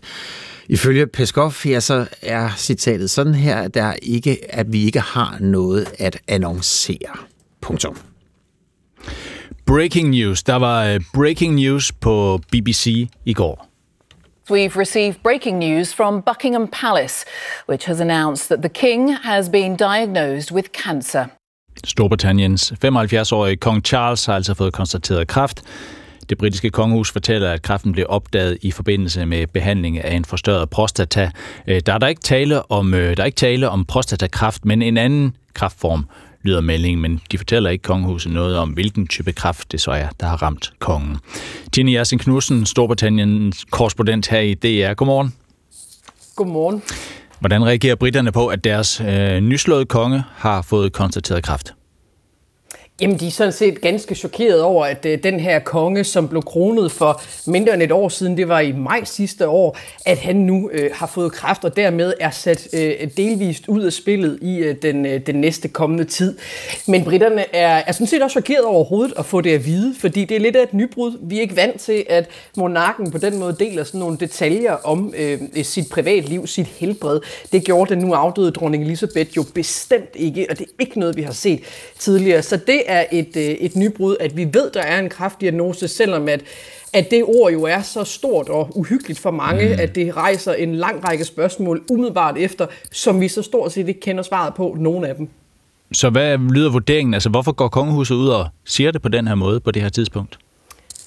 Jamen, der er nogle forskellige bud på, hvorfor øh, det kan være, at de vælger at, øh, at gøre det her. Det ene er, at det kan være svært at skjule, øh, hvis nu man skal igennem en, øh, en, en behandling, hvor det viser sig fysisk på kongen, at, øh, at han øh, øh, har en, en kraftdiagnose, også at han ikke kommer til at vise sig offentligt. Det er klart, der er nødt til at være en, en forklaring på det øh, for befolkningen. Men der er også et andet element, og det er, at da kong Charles han fik øh, øh, behandling for den her forstørrede prostata i januar, så var han meget åben om det, og det medførte simpelthen sådan en positiv bølge af søgninger på forstørret prostata rundt omkring i det britiske kongerige. Og det er altså en positiv effekt, som man godt kan antage, at en mand som kong Charles, han håber, at, øh, at den her åbenhed om kraftdiagnosen, den også øh, kan have. Han har jo i sit, sit lange liv, før han blev konge, da han var... Øh, øh, prins af, af Wales og stod og ventede som, som tronarving. Der har han været protektor for rigtig mange foreninger, der har arbejdet øh, med kræftpatienter.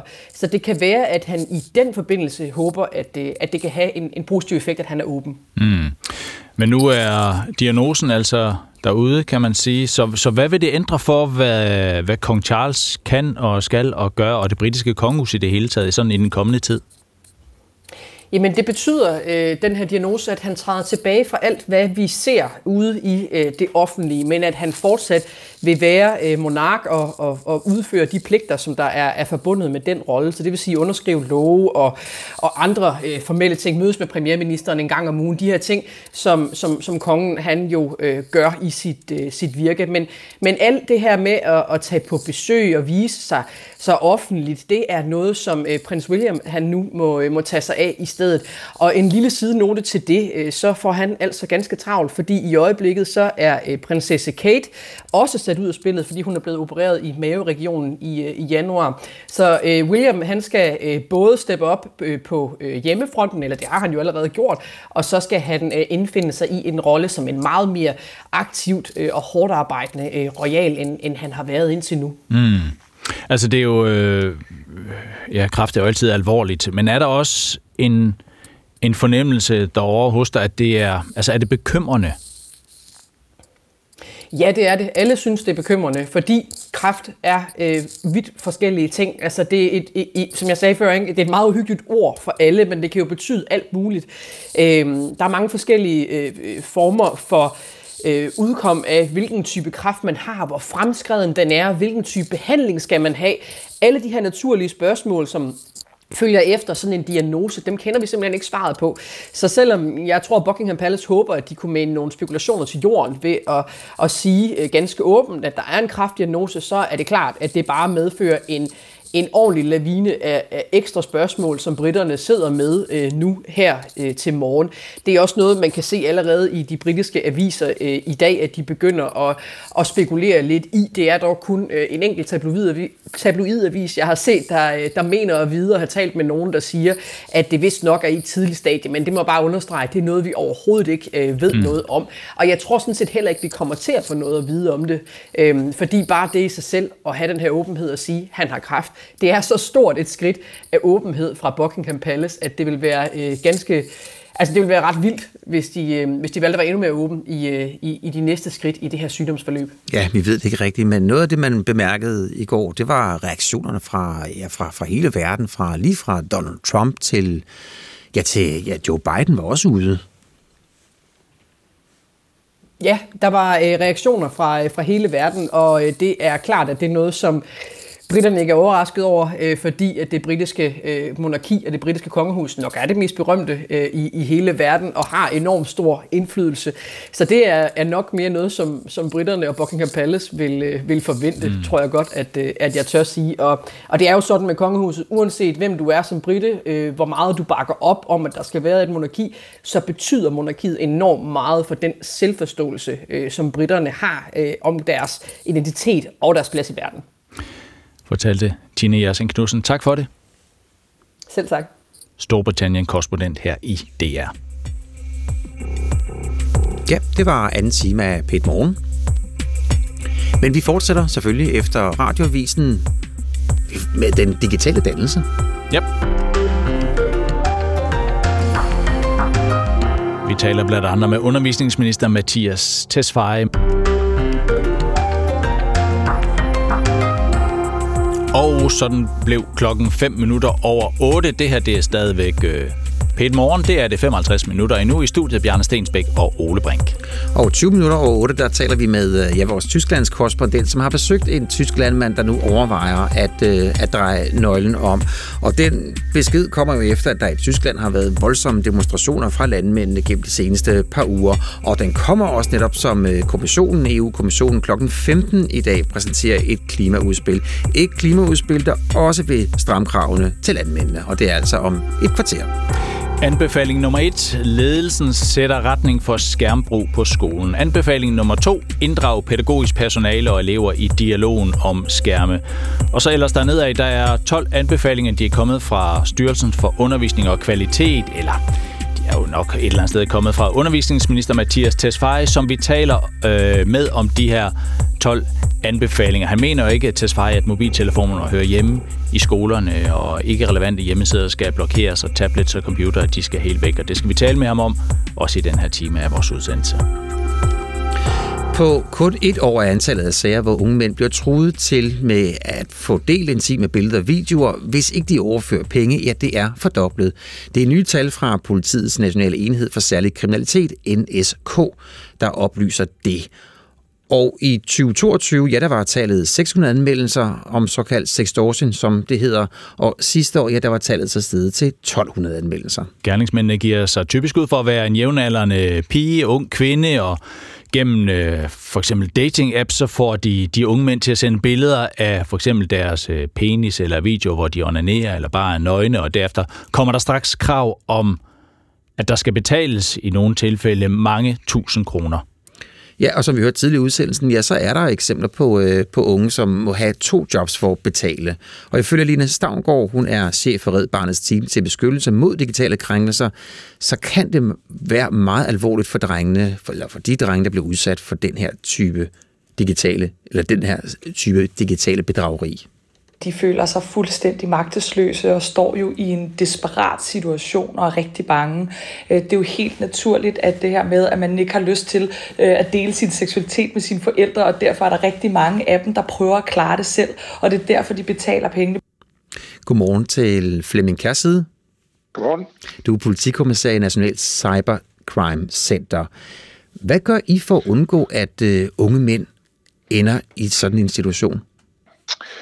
Nu har vi i hvert fald iværksat den her kampagne for at gøre opmærksom på, at vi har et stort problem. Det er jo en ganske alvorlig stigning, som, som vi har set. Uh, vi har nogle udenlandske organiserede kriminelle, som uh, har fundet på det meget lukrative marked uh, og sidde tusindvis af kilometer væk uh, fra Danmark og begå deres kriminalitet i Danmark mod uh, unge mennesker. Og hvem er det, du siger, der står bag? Jamen, øh, det vi ved så, så langt, fordi det er, jo, det, er jo, det, er jo, det er jo kun et dansk problem, det er jo et internationalt problem. Det er et problem, som vi ser i resten af landene i Europa. Og de erfaringer, vi har, det er, at øh, kriminalitet udgår fra lande i Afrika, øh, Elfenbenskysten, øh, Nigeria og andre steder, hvor der næsten er oprettet sådan en, en hvad skal jeg sige, nogle, nogle callcenter, nogle fabrikker, øh, hvor der er ansat øh, medarbejdere til direkte og målrettet at gå imod øh, personer, som, øh, som kan lokkes ind og manipuleres ind i et æderkropspind øh, og lokkes til at, at, at dele billeder af sig selv, øh, intime billeder, for så straks efter at blive afkrævet penge. Hvordan foregår det på de fabrikker? Jamen det er øh, faktisk, øh, som, som vi har det, sådan, det er lidt et, et ansættelsesforhold. Øh, man møder på arbejde, man får tildelt øh, dagens opgaver, øh, før man går i gang, jamen, så er der selvfølgelig en, en slags øh, uddannelse, hvis man kan kalde det det. Øh, hvilke tips og tricks øh, skal man benytte? Hvilken teknologi skal man benytte? Øh, internettet i dag kan bruges til rigtig mange ting. Øh, det kan også bruges til at fremstille øh, falske billeder og falske videoer, øh, som, som man ikke umiddelbart kan gennemskue. Øh, og, og, og det er jo det, man sidder og gør på de her fabrikker, som man kalder det øh, for at udøve sin kriminalitet. Og som du siger, er lukrativ. Hvor mange penge tjener de? Og jeg tror, det er, det, det er forskelligt, men vi, vi har set beløb, at, at folk bliver afkrævet fra, fra, fra 1000 dollars og op efter, måske nogle mindre. Samtidig så har vi hørt om nogen, som ligesom prøver for at forhandle øh, en eller anden beløbsstørrelse. Hmm. Øh, vi har ikke noget overblik over, hvor mange som egentlig betaler. Øh, vores øh, ganske klare råd, det er, at man skal afbryde al kontakten. Man skal ikke betale, hvis man ryger kløerne på, på, på sådan en gruppering her. Fordi har man først givet til kende, at, øh, ja, at man betaler første gang, så er lidt skruen uden enden. Øh, fordi så vil beløbet bare blive sat op og sat op og sat op. Når sådan en, en ung fyr blev udsat for den her type afpresning og anmelder sagen til jer, hvordan, hvordan foregår efterforskningen så? Jamen, i den her slags sager, så prøver man jo at forfølge det, man kalder de digitale spor. Kan vi se, hvor, hvor den her hændelse, hvor den, hvor den, hvor den, start, hvor den startede hen, altså hvilke medier der er brugt. Vi har haft nogle, øh, nogle, nogle, nogle danske sager også, øh, hvor der sidder gerningsmænd i Danmark, og der har det været forholdsvis nemt øh, at finde tilbage til gerningsmanden, fordi man efterlader hvad skal vi sige, nogle, nogle digitale fingeraftryk. Det vi ser med de her organiserede kriminelle, han har sagt, det er også det fingeraftryk, som de efterlader, øh, og som så ender i, øh, i et eller andet øh, land i Afrika, øh, som har en... Øh, hvad skal vi sige, som ikke har så god en infrastruktur, digital infrastruktur, som, som vi har i Danmark. Her kan vi nemt forfølge en IP-adresse, et telefonnummer eller en mailadresse. Øh, det er langt sværere i lande øh, i Afrika. Men når nu jeg kigger på antallet af sigtelser, ja, så var der ja, så i 11 ud af de i alt 1200 sager sidste år, blev der rejst en sigtelse. Hvordan kan det være, at I øh, ikke er bedre til at fange de her kriminelle? Jamen, det er jo det, vi ligesom prøver at sige, at vi ender i nogle øh, lande øh, tusindvis af kilometer væk herfra, som ikke har den samme tilgang til tingene, som, som, som vi har. Øh, hvis vi ender i øh, Elfenbenskysten, Nigeria, øh, som har nogle ganske andre problemer at kæmpe med til hverdag, og kæmpe med til hverdag, som øh, ikke lige vil bruge de tid og ressourcer på os måske, øh, fordi vi har de her problemer i Danmark. Det, som vi prøver, det er at gå sammen internationalt øh, for at lægge et pres på nogle af de lande her, for at sige, at I er altså nødt til at hjælpe os i landet. Øhm, vi har det, vi kalder for politiets lange arm, han har sagt, men den, lægger, den rækker altså ikke ud over, ud over Danmarks grænser. Der er vi tvunget til at få hjælp af de lande, øh, øh, hvor tingene sker. Hmm, så hvis det sker på sådan en afrikansk fabrik, så øh, må man reelt acceptere, at, at, at, at du ikke kan gøre noget?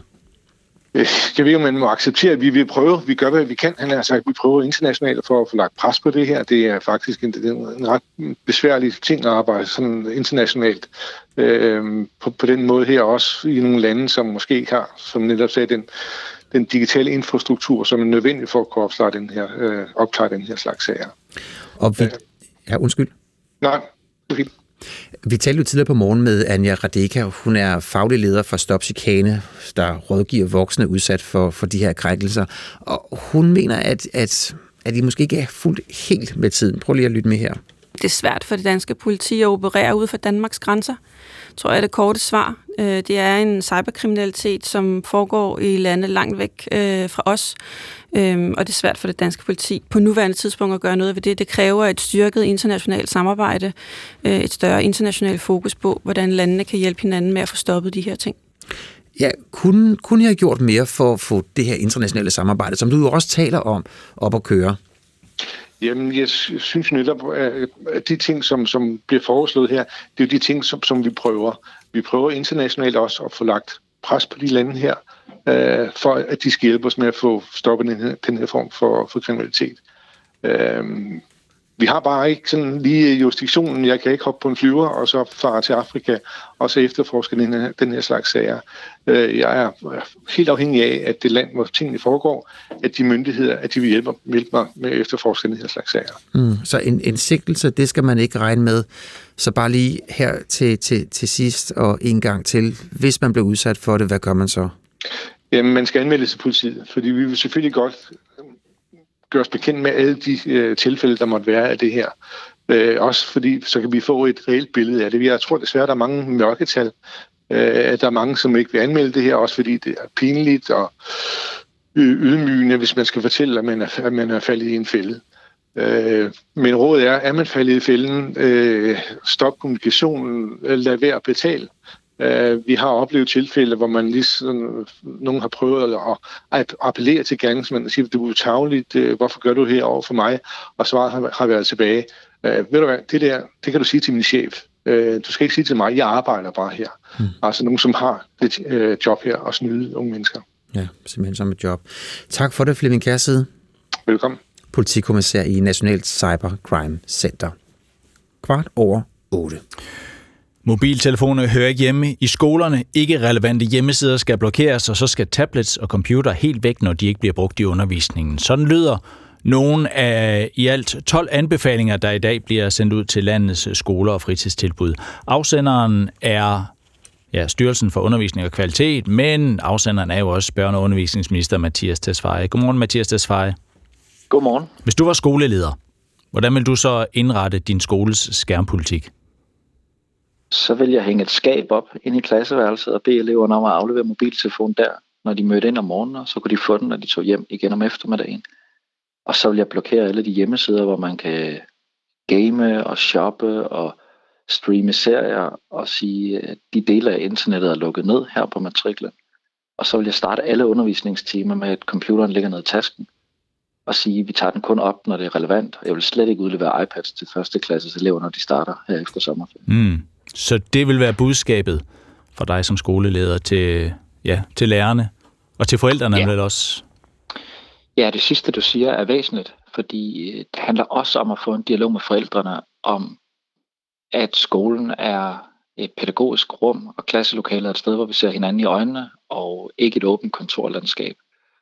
Og det har øh, også en pædagogisk mening, at man får Astrid Lindgren med hjem i tasken og læser en bog, i stedet for at alle undervisningsforløb kører på computeren. Og i 2024 er det stadig relevant at lære at skrive bogstaverne i hånden, øh, og ikke kun taste dem på en computer. Mm. Og det du nævner, det passer selvfølgelig godt med anbefalingerne. Der er et punkt 6, der hedder indføre mobilfri skole, og der er et punkt 8, der hedder læg tablets og computer væk, når de ikke bruges i undervisning, og det er det, du er inde på her også. Men øh, altså, hvis, hvis det er sådan, du synes, det skal være, hvorfor, hvorfor, så, hvorfor er det så bare anbefalinger? Hvorfor er det ikke øh, krav til skolerne om, at øh, sådan her gør vi i Danmark?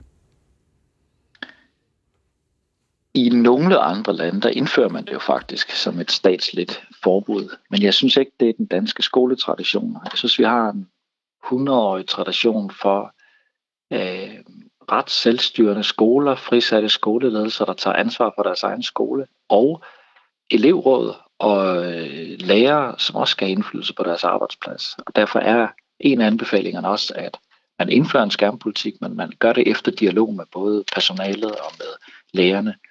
Øh, og jeg er særligt optaget af, at forældrene kommer på banen øh, i skolebestyrelsen. Men, men altså, at vi plejer at gøre sådan, er jo ikke, hvad skal vi sige, betyder ikke nødvendigvis, at vi så også skal blive ved med at gøre sådan, at hvis du synes, det er så vigtigt, som jeg kan fornemme på dig, at du synes, det er, at det så ikke der, at en minister kan, kan sige, sådan gør vi? Jo, og for at være ærlig, så kribler det jo også i fingrene på en politiker at sidde inde på sit kontor og bestemme det hele. Men udfordringerne er bare, dels så vil jeg gerne have, at de mennesker, det handler om, herunder eleverne, bliver inddraget. Og dels så vil jeg også gerne have, at det er nogle regler, der er noget lokalt ejerskab til, og som bliver håndhævet. For eksempel på min egen børns skole, der har man efter dialog med elevrådet besluttet, at de ældste elever kan godt få mobiltelefon i pauserne, så de for eksempel kan gå op i Netto og bruge deres mobiltelefon til at betale med. Mm. Og det er ikke sådan, som jeg selv ville indrette det, hvis jeg var diktator, men jeg respekterer, at man efter en dialog med elevrådet faktisk får nogle regler på plads, som der er respekt omkring og opbakning til. Og det, her, det er det vigtigste for mig. Og der kan jeg godt være lidt bekymret for, at det der med at sidde og detaljstyre velfærdssamfundet inden for ministerkontoret, det, det ser pænt ud på forsiden af avisen, men i virkelighedens verden, så ender man med nogle regler, som der ikke er noget ejerskab til, og som der ikke er noget glæde ved at håndhæve. Og, og så kommer vi ikke et godt sted hen. Men, men det du nævner der, det passer vel ikke med, øh, med anbefalingspunkt 6, der hedder indfør mobilfri skole, fordi de får den så i nogle pauser, eleverne. Øh, ja, på en konkret skole, så er der nogle elever, som... Øh, der var faktisk en skolebestyrelse, der besluttede sig for, at nu skal vi have mobilfri skole. ligesom vi nu anbefaler fra ministeriet. Men det de også gjorde, var at tale med elevrådet om reglerne, og de sagde, det er fint nok, men for de ældste elever, der skal I bare huske, at vi bruger mobiltelefonen til at betale med, og, og vi har jo ret til at forlade skolen i pauserne, og efter sådan en dialog, så finder man ud af, den måde, vi lokalt tilrettelægger det på, på vores skole, det er så, at de ældste elever faktisk godt kan få mobiltelefonen og løbe op i netto, hvis de vil det. Mm. Og det har jeg respekt for, at der er en lokal skoleledelse, der får nogle, synes jeg, gode restriktive skærmpolitikker på plads, men på en måde, hvor der er lokal ejerskab til det. Og det er vigtigt for mig. Du skal lige høre medieanalytiker og forfatter Camilla Melsen, som vi talte med lidt tidligere i udsendelsen. Hun sagde sådan her om, hvorfor øh, hun er sådan set enig i, at mobilfri skole er en god idé. Og så, så pointerer hun, at det er det særligt i forhold til de svage elever. Jeg ser også, at der kan, være en, øh, der kan komme en ulighed, hvis vi ikke har en mobilfri skole, i og med, at hvem er det, der er bedst til at koncentrere sig i forvejen, om de har alt andet lige en fordel i et klasseværelse med mange digitale forstyrrelser, kan man sige, i hvert fald sammenlignet med dem, der, der er lettere at lade sig distrahere i det her. Ja, sådan lød det fra Camilla Melsen. Og, og du er jo sådan set enig, Mathias Tesfaye, øh, men, men så vægter det alligevel tungere hos dig, at der er den der selvbestemmelse ude på skolerne. Risikerer man ikke at svigte de, som hun siger, de, de, de svageste elever? Hvis vi havde nogle uansvarlige skolelærer og skoleledere, så jo, så ville der være den risiko. Men jeg oplever faktisk, at den danske folkeskole befinder sig i en virkelig positiv udvikling, hvor man flere og flere steder tager aktiv stilling til skærmene, og er bevidste om de negative øh, konsekvenser af, at, at skærme er til stede overalt i skolen. Øhm, så jeg er faktisk ret øh, fortrøstningsfuld. Nu kommer vi med nogle anbefalinger, mm. som kan understøtte, med lokale træffer nogle øh, fornuftige beslutninger. Og øh, alene det, at der er en radioudsendelse her tirsdag morgen, som jeg håber, der er nogle lærere, der lytter til, er jo også med til at flytte den danske folkeskole i en fornuftig retning. Og jeg jeg tror inderligt på, at et velfærdssamfund, der er styret med rigide diktator fra ministerkontoret, det, det er i længden ikke den bedste måde at styre et samfund på. Det er langt bedre, at det er lokalt forankret, men til gengæld understøttet af nogle anbefalinger, mm. som man har noget sted på. Og hvis nu det viser sig om et år, at der er, hvad ved jeg, 12 procent af skolerne, der ikke har lyttet til de der anbefalinger, men bare ligesom kører det, som de også gjorde for tre år siden. Hvad gør du så som minister? Jeg vil hellere have 88 procent af skolerne, der selv har vedtaget gode skærmpolitikker, og 12 procent, der er ligeglade, end jeg vil trække øh, et ministerdiktat ned over 100 skoler, 100 procent af skolerne. Og det er simpelthen fordi, de lokale ejerskab til beslutninger er vigtige. Jeg synes, det har en værdi, at man hører elevrådet, hører personalet, høre forældrene, og måske tager de statslige anbefalinger, men måske lige justerer mm. det, så det passer til den skole, man selv øh, har dagligdagen på. Så 12 procent er for lidt. Hvad hvis det er 50-50? Jamen, det, du får mig ikke ud i sådan en, uh, en gætterkonkurrence her. Jeg kan bare sige, at min klare oplevelse er, at flere og flere skoler forholder sig til det her. Nu håber jeg, at de her anbefalinger kan skubbe yderligere på, og hvis vi ender i en situation, hvor at jeg mod min forventning kan se, at færre og færre skoler forholder sig til det og er ligeglade og bare accepterer, at folk sidder og gamer i timerne, jamen så må vi jo tage den politiske diskussion til den tid, men det er jo slet ikke der, vi er. Lige nu er vi et positivt sted, som jeg gerne vil understøtte. Så lød det fra Mathias Tesfaye. Tak for det. Selv tak. Godmorgen. I lige måde. Børne, lige måde. Børneundervisningsminister.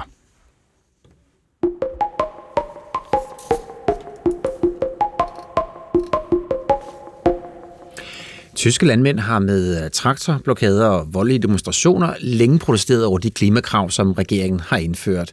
Og den vrede, ja, den blev ikke mindre i dag, hvor EU-kommissionen og det her klokken 15 fremlægger mål om en 90% reduktion af CO2-udledninger i 2040. Godmorgen, Sten Ørskov. Godmorgen. Det er jeres Tysklands korrespondent, og du har jo besøgt en, øh, en landmand, som tvivler på, om han overhovedet har lyst til at fortsætte som, øh, som landmand. Hvem er det, du har talt med?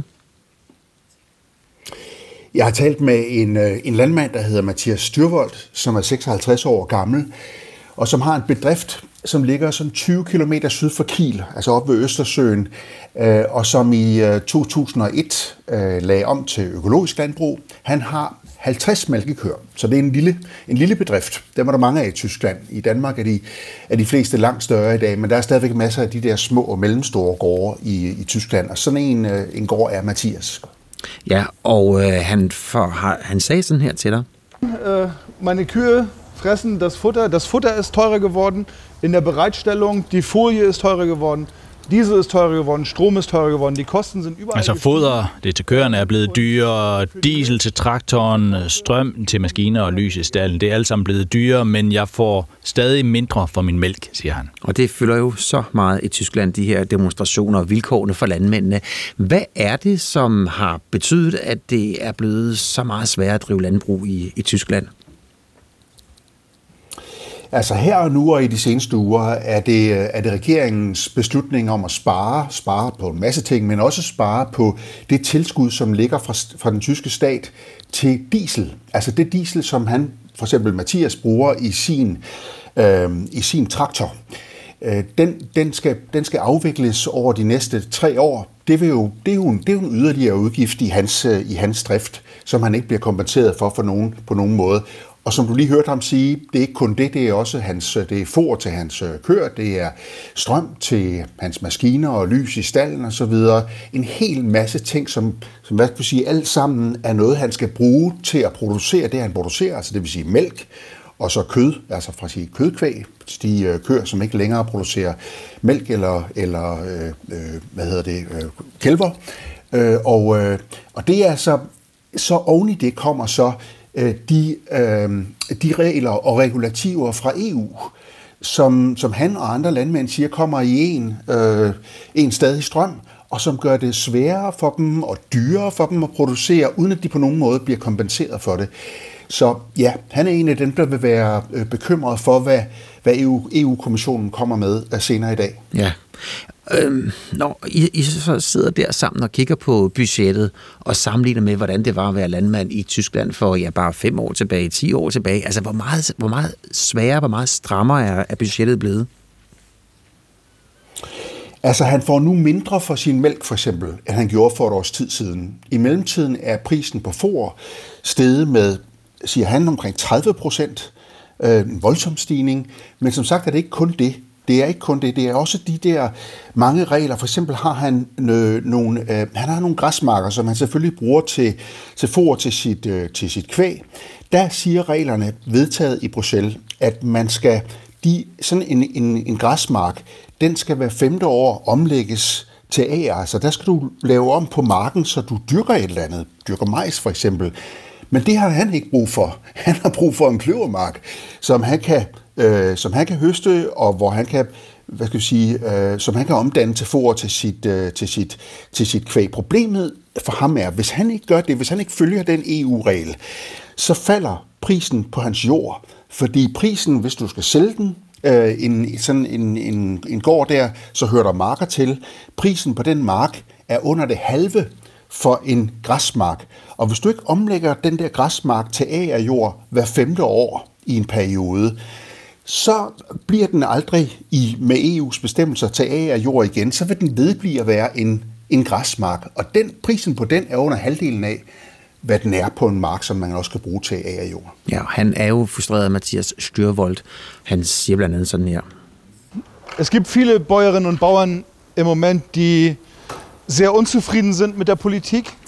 Und es gibt auch viele, Mange landmænd er utilfredse, og mange også vrede. Også for vrede efter min smag. Ja, og han, han deltager jo så ikke i de her demonstrationer. Hvorfor ikke? Nej, han er, um, det er godt nok, han er godt nok frustreret over, over hvor svært det er, øh, er blevet at, at drive landbrug, men han, han, han bryder sig ikke om den vrede, øh, som findes til de her demonstrationer. Han siger, at øh, højre radikale medlemmer af AFD, af partiet yderst til højre i tysk politik, men også folk, der er, er mere radikale, nogle af dem er bønder, andre er ikke, blander sig i, i demonstrationerne, og han siger, at han har ikke lyst til at køre i sådan en traktordemonstration, hvor ham, der kører i traktoren foran, har sådan en, en, en, en, en, en figur, der, ding, der dingler fra en galge, hvor der så står, at det er kansleren, der hænger der og dingler. Altså den der form for, siger han, radikalisering af det tyske bondeoprør, den vil han ikke være med til.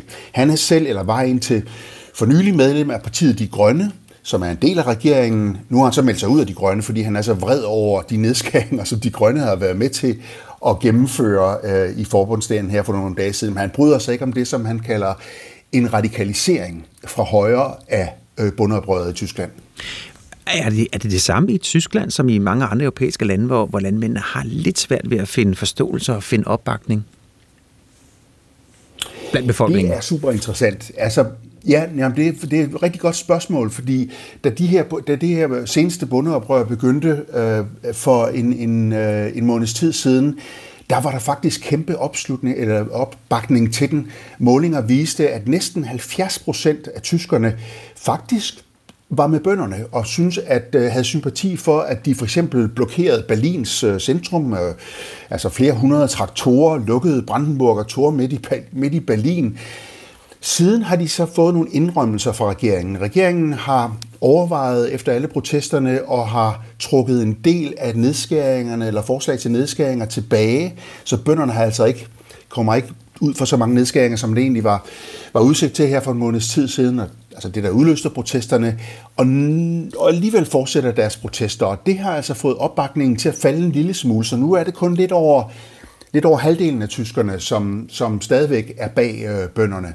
Men generelt må man sige, der er faktisk ret stor forståelse for, at de mange nye krav til øh, til at dæmpe øh, virkningerne af klimaforandringerne, øh, til miljøbeskyttelse, at de mange krav, der bliver pålagt bønderne, at de måske er øh, ikke alle sammen lige gennemtænkte, og at de måske er for hårde for dem, der øh, driver landbrug, især på de, på de små og mellemstore landbrug rundt omkring i Tyskland sagde Sten Nørskov, DR's nye Tysklands korrespondent. For sådan blev klokken lige et enkelt minut over halv ni. Michael Olsen er klar med nyhedsoverblikket. Tablet og computer skal ned i tasken, når de ikke bliver brugt i undervisningen, og mobiltelefonen skal ikke ligge og vibrere nede i lommen. Det mener børne- og undervisningsminister Mathias Tesfaye. Og derfor kommer jeg nu med 12 anbefalinger til, hvordan skolerne skruer ned for skærmtiden. Og som det er lige nu, så bliver de her skærme brugt flittigt i næsten alle fag, fortæller Bella Bella Ban fra 7. C på Brøndby Vesterskole. Næsten alle bruger computer, undtagen madkundskab i valgfag. Nogle gange kan det godt være lidt for meget, men ellers er det fint nok. Folk i Grænsted er ikke mere syge end indbyggerne i andre sammenlignelige byer. Det viser to nye sundhedsundersøgelser, der blev fremlagt i aftes. De her undersøgelser er lavet, fordi folk i Grænsted har haft mistanke om, at forureningen fra det gamle Grænstedværk gør dem syge. Men det er der altså ifølge undersøgelserne ikke noget, der tyder på. Og en af dem, der har været meget bekymret, er Kette Jøllund. De her nye undersøgelser har givet hende en anelse mere ro i sinde. Og høre, at vi statistisk set ikke er mere syg end alle andre, det er jo en kæmpe stor gave. Men alligevel må jeg jo sige, at herude i Østbyen, hvor jeg bor, der er der en overhyppighed af altstilfælderne. Antallet af anmeldelser om sexafpresning på nettet bare stiger og stiger. Det fortæller Flemming Kærside, politikommissær i National Cybercrime Center. Faktisk så har vi gennem senere tid set sådan en foruroligende stigning i antallet af børn og unge mennesker, som bliver truet til at skulle betale nogle penge, og man truer med at vil afsløre nogle intime detaljer eller billeder af de unge mennesker. Og der er særligt drenge og unge mænd, der bliver truet med at fordele intime billeder og videoer online, hvis ikke de overfører penge. På bare et år er antallet af anmeldelser fordoblet. I 2022 var der 604 anmeldelser, mens det tal var sidste år steget til over 1200. Vi er i gang med en temmelig våd og blæsende tirsdag. Den står på udbredt regn, og i Nordjylland og Nordsjælland også lidt slud eller tøsne. Mellem frysepunktet og 7 graders varme og jævn til hård vind, der kommer fra sydvest og vest. Ifølge fagforeningerne HK, Djøf og FOA er det et udbredt problem, at stresssygemeldte bliver fyret. De har ikke konkrete tal, altså fagforeningerne har ikke konkrete tal for, hvor mange sager der er tale om, men de er enige om, at det er mange. Det fortæller Anja C. Jensen, forbundsformand i HK Danmark. Det er meget udbredt. Øh, vi ved i hvert fald, at vi har lige nu øh, flere hundrede sager rundt omkring i landet, øh, fordelt på alle typer arbejdspladser, hvor medarbejderne er bukket under for en eller anden art af stress på deres arbejde. Og Jeff vurderer, at op mod hver tiende fyring, de behandler skyld stress, og også hos FOA oplever de en klar sammenhæng mellem stress, sygemeldinger og fyringer. Hos Dansk Arbejdsgiverforening, der kan viceadministrerende direktør Pernille Knudsen dog ikke helt genkende det billede, som fagforeningerne de tegner. De siger jo, at det primært øh, stammer fra arbejdet, og at arbejdsgiverne tager den konsekvens, at de fyrer medarbejderne på grund af det. Og det er det, jeg ikke kan genkende. Det er simpelthen ikke det, vi hører, det er ikke det, vi oplever. Med os nu har vi Kim Valentin, der er beskæftigelsesordfører hos Venstre, og Victoria Velasquez, beskæftigelsesordfører hos Enhedslisten. Godmorgen begge to. Godmorgen. Godmorgen. Victoria Velasquez, fagforeningerne siger, at de oplever, at der er et udbredt problem derude, nemlig at stresssygemeldte bliver fyret. Er det også sådan, du ser det? Ja. Jeg har også fået henvendelser faktisk om konkret det, så det, øh, der har været anekdotisk før, er jo noget, jeg kan genkende, og det synes jeg er meget alvorligt, når fagbevægelsen fortæller om det. Det er jo dem, som de, de sygemeldte tager fat i, når de bliver fyret. Hvad er det, du hører? Hvad er det for henvendelser, du får? Det er eksempelvis, at nogle af dem, som er i vildrede, fordi at det er faktisk ofte i forhold til deres kontakt med jobcentret, men så beskriver de deres historie. Og der er det ret tidligt i deres stressforløb, at de er blevet opsagt på deres arbejdsplads. Også noget af det, som de udfolder, at de oplever, at der bliver talt om, at det er en organisering, men at det er meget tydeligt, at det er dem, som der eksempelvis har haft stress eller har været øh, sygemeldte, som er rådet i svinget der. Mm. Så vi har et, øh, et samfundsproblem her, Kim Valentin. Er du enig i, at det er et stort samfundsproblem, at stressramte i Danmark bliver fyret fra jobbet? Det er et stort samfundsproblem, at vi har stress i samfundet. Det er en fælles opgave, at vi arbejder på at få antallet af stresset øh, ned. Man kan faktisk også slide sin hjerne op. Det, det er ret alvorligt. Og, og, øh, og vi, altså, det, det problem er, mener jeg, at vi kan være enige om. Hvordan tallene så udtrykker det i øjeblikket, det hører vi jo også, at, at øh, fagforeningen siger, at øh, de er lidt i tvivl, øh, men at det er den her tendens, de ser. Og det mm. bør vi jo nok dykke ned i, og så undersøge lidt nærmere, inden vi begynder på, på, øh, på øh, en eller anden form for behandling af det. Så du synes, der mangler tal? Du mangler stadigvæk viden, om, for, for at du ligesom kan definere omfangets størrelse i Danmark? Ja, det, det gør jeg. Altså stress skal jo stamme mange steder fra, og vi ved, at der er tal, der viser, at øh, stress er stigende i samfundet, men også at stress kan stamme både fra fritidsliv og arbejdsliv, øh, men også fra ens familieliv. Mm. Øh, og derfor skal det selvfølgelig skilles lidt ad, og, og hvis det er sådan, at man bliver stresset på arbejdet, jamen så er det en alvorlig sag, fordi man skal jo ikke blive syg af at gå på arbejdet. Så, så derfor er det noget, vi skal tage meget alvorligt.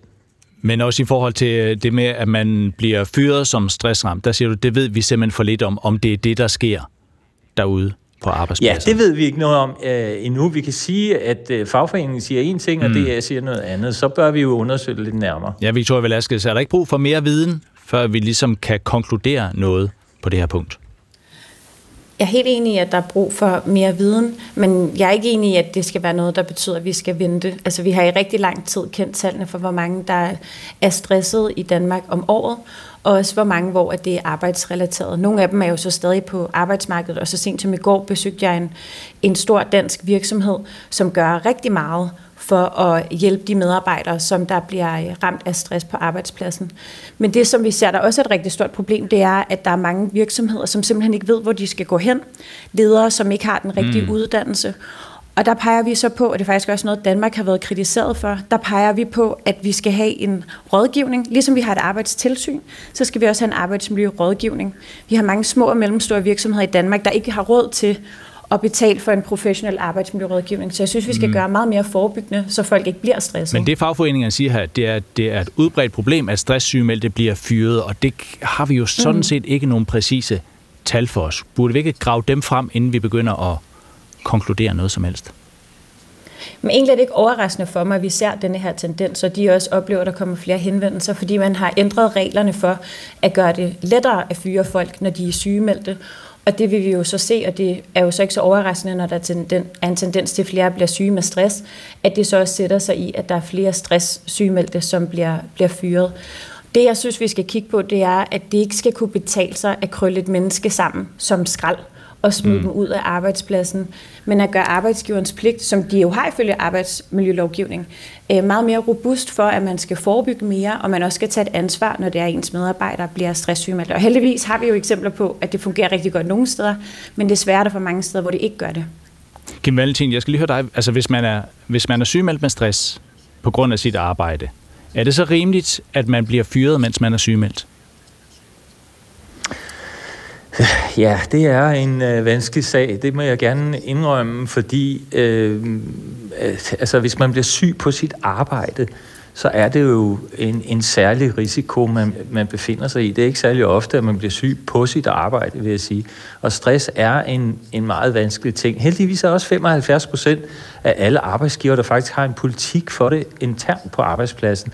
Så jeg synes, at måske det er lidt hårdt sagt af Victoria, Øh, altså, altså, der er jo faktisk en opmærksomhed på det fra, øh, fra arbejdsgivernes side. I 2020 fik vi en bekendtgørelse, der ligesom samler mm. sig omkring det psykiske arbejdsmiljø på arbejdspladserne, og, og det, det, det er jo blevet bedre der. Men samtidig har vi så set, at stress i samfundet stiger, og det er et stort øh, mm. samfundsproblem. Jeg synes, vi skal tage meget alvorligt. Men er det rimeligt, at arbejdsgiverne fyrer medarbejdere, der er sygemeldt med stress? Ja, altså, altså det, det er jo det, vi skal have nogle bedre tal på, før jeg vil stå her i radioen og, og så sige, det, det er forkert, at, at, at det sker. Altså, vi har ikke tal på det i dag. Vi hører, at fagforeningen siger, at der er muligvis et problem. Lad os lige undersøge, om der er et problem, inden vi gør noget. Men derfor kan du vel godt have en principiel holdning til det her? Ja, altså jeg har den principielle holdning, at man ikke skal blive syg på sin arbejdsplads. Så hvis det er sådan, at man bliver det, så er der, så er der sådan en, en, en, øh, en forpligtelse til, at man som arbejdsgiver og arbejdstager sætter sig ned og, og prøver at finde de tegn, der er, så hurtigt som muligt. Sådan så, altså en stresssygdom kan jo være over meget lang tid. Mm. Øh, så, så, så derfor, og det tager lige så lang tid at komme ud af den.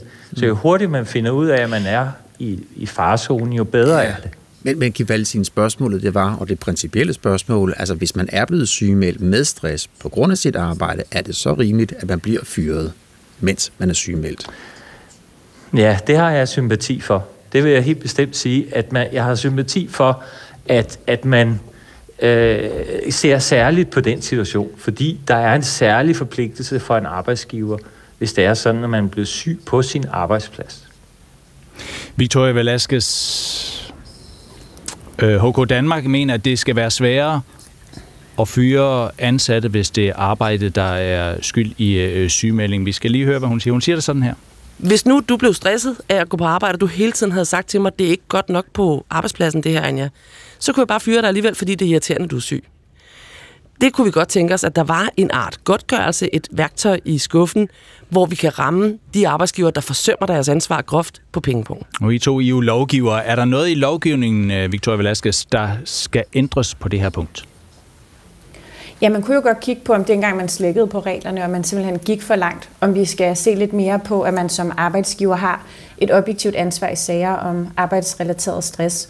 Og det, jeg tror, der kunne være altså, gavnligt ved det, det er, at man også gør det fordelagtigt rent faktisk at gøre det forebyggende. Jeg tror, vi alle sammen er interesseret i, at ingen skal blive sygemeldte med stress. Og alligevel så er der bare rigtig mange steder, hvor at der ikke bliver lavet de tiltag, man kan gøre for, at medarbejdere ikke kommer til at, at knække af at gå på arbejde.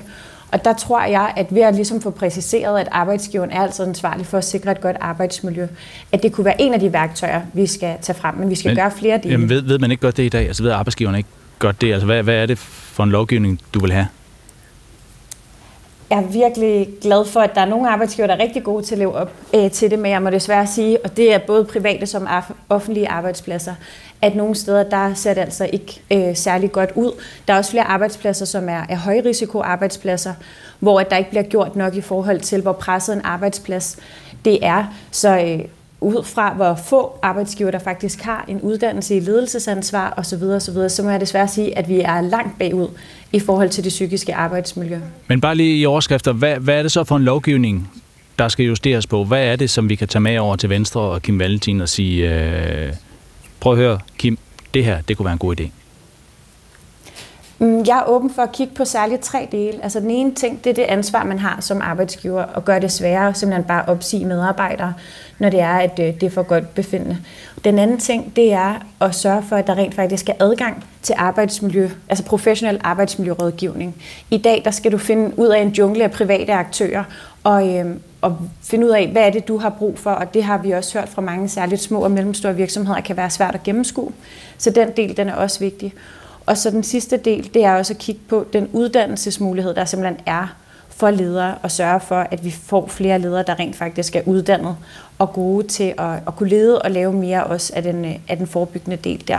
Ja. Og så ved jeg ikke, om vi skal kigge på den refusion, der også er til arbejdsgiveren i forhold til den, er der jo også blevet skåret på, hvor meget man som arbejdsgiver får refunderet. Øh, jeg har tre gode punkter, måske endda fire, Kim Valentin. Lad os bare tage den første, og lad os nøjes med den. Det skal være sværere at fyre folk i Danmark. Ja, det, det må man tage stilling til, når vi ved, om der er et problem. Jeg synes, at enhedslisten hopper lynhurtigt ind i, at der skal laves nye regler, når vi ikke engang ved, om der er, der, der skal man sige, er et problem derude. Lad os lige undersøge det først. Så øh, det var lige en... Øh, vi må vente og se, Kim Valentin. Tak for det. Tak for at være med os. Ja, ja. Beskæftigelsesordfører for Venstre og Victoria Velasquez. Også tak til dig. Selv tak. God dag. I lige måde beskæftigelsesordfører hos øh, Enhedslisten. Og jeg kan da nævne, at vi også lige... Ja, vi har selvfølgelig forsøgt at få et, øh, et, interview, et, et, et interview med beskæftigelsesminister Anne Halsbo Jørgensen øh, om øh, det her spørgsmål. Det har ikke været muligt, desværre. Ja, kvart i ni. Miyazaki. Ja, og det er jo en af mine helte. Ja, en ældre herre efterhånden, øh, japansk filmmager, Øh, det er noget tid siden, han har øh, lavet en film sidst. Han er blevet 82 øh, år. Der var nogen, der tænkte, Åh, er det, har vi set den sidste Miyazaki-film? Men, men det har vi så ikke. Mahito.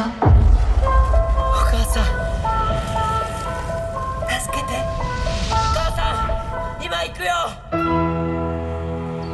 私真人さんの新しいお母さんになるのよ det er på torsdag.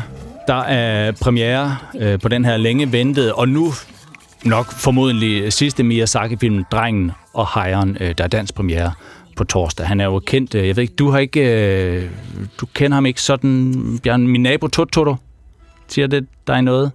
Heller ikke. Chihiro og heksene. Man skal være ærlig. Ja, men det, Heller ikke ham. Og, Heller og ikke hvad? Nej, og, og det er helt, og der er, jeg er sikker på, at der er mange, der, der har det som dig, men han er, øh, han er værd at kende, skulle jeg mene, Ida Rud.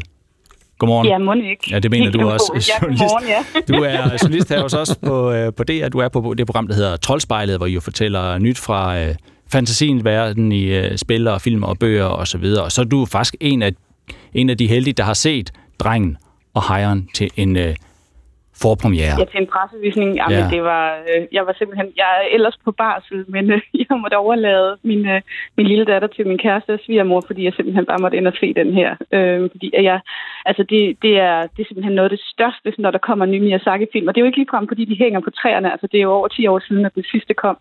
Så, øh, så det, det var simpelthen bare en begivenhed, jeg måtte være med til. Ja, så måske er det her den sidste, det ved vi ikke jo, men hvis det er det, går han ud på et højdepunkt.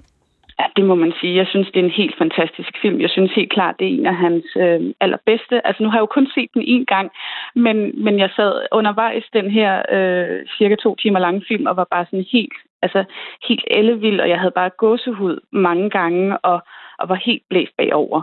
Øh, jeg har så sidenhen hørt lidt kritik om, at den, er lidt, at den ikke rigtig giver nogen mening fortællingen, men det var slet ikke noget, der slog mig, da jeg så den, fordi jeg bare var så glad for den. Øh, men det er så måske også en af de her Miyazaki-ting, at de er så smukke, og de er så øh, sære. Altså, det er nogle, nogle mærkelige fantasivæsener og verdener, mm. vi kommer ind i. Øhm, så så jeg, bliver, jeg bliver bare begejstret og lader mig føre med på rejsen, også uden at tænke for meget over, hvad der egentlig foregår, fordi det, er bare, det er bare fedt. Og, og bare for en god ordens skyld, vi, øh, det er en tegnefilm, ja, ikke? og du er voksen. og, jeg er voksen. og, og sidder for gåsehud. Ja, helt-. Jamen, det lyder jo skørt.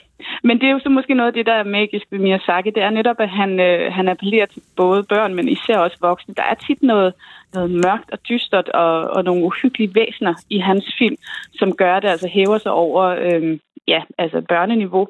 Og jeg vil egentlig også sige, at der er kun to-tre af hans film, som er sådan decideret for små børn. Ellers så skal man nok lige vente med at, at vise mm. dem, fordi de kan altså godt være lidt skræmmende. Men altså, drengen og hejren, det er det, den hedder, ikke? Hvad handler den om? Jamen, det handler om en, øh, en dreng, der bor i, øh, i Tokyo, mener det er. Øh, det er filmen starter der, og så øh, er det under 2. verdenskrig, og øh, hospitalet bliver bombet, og der befandt hans mor sig. Så han mister altså sin mor, og faren øh, fører ham derfor ud på landet, øh, hvor han skal bo hos sin mors søster, som så tilfældigvis også skal giftes med hans far og er gravid med farens barn. Så det er sådan, det, det er sådan lidt mærkeligt, men det har åbenbart været sådan lidt kutume dengang. Men han er en, øh, en stille introvert dreng, som har det lidt svært med den her, det her skift.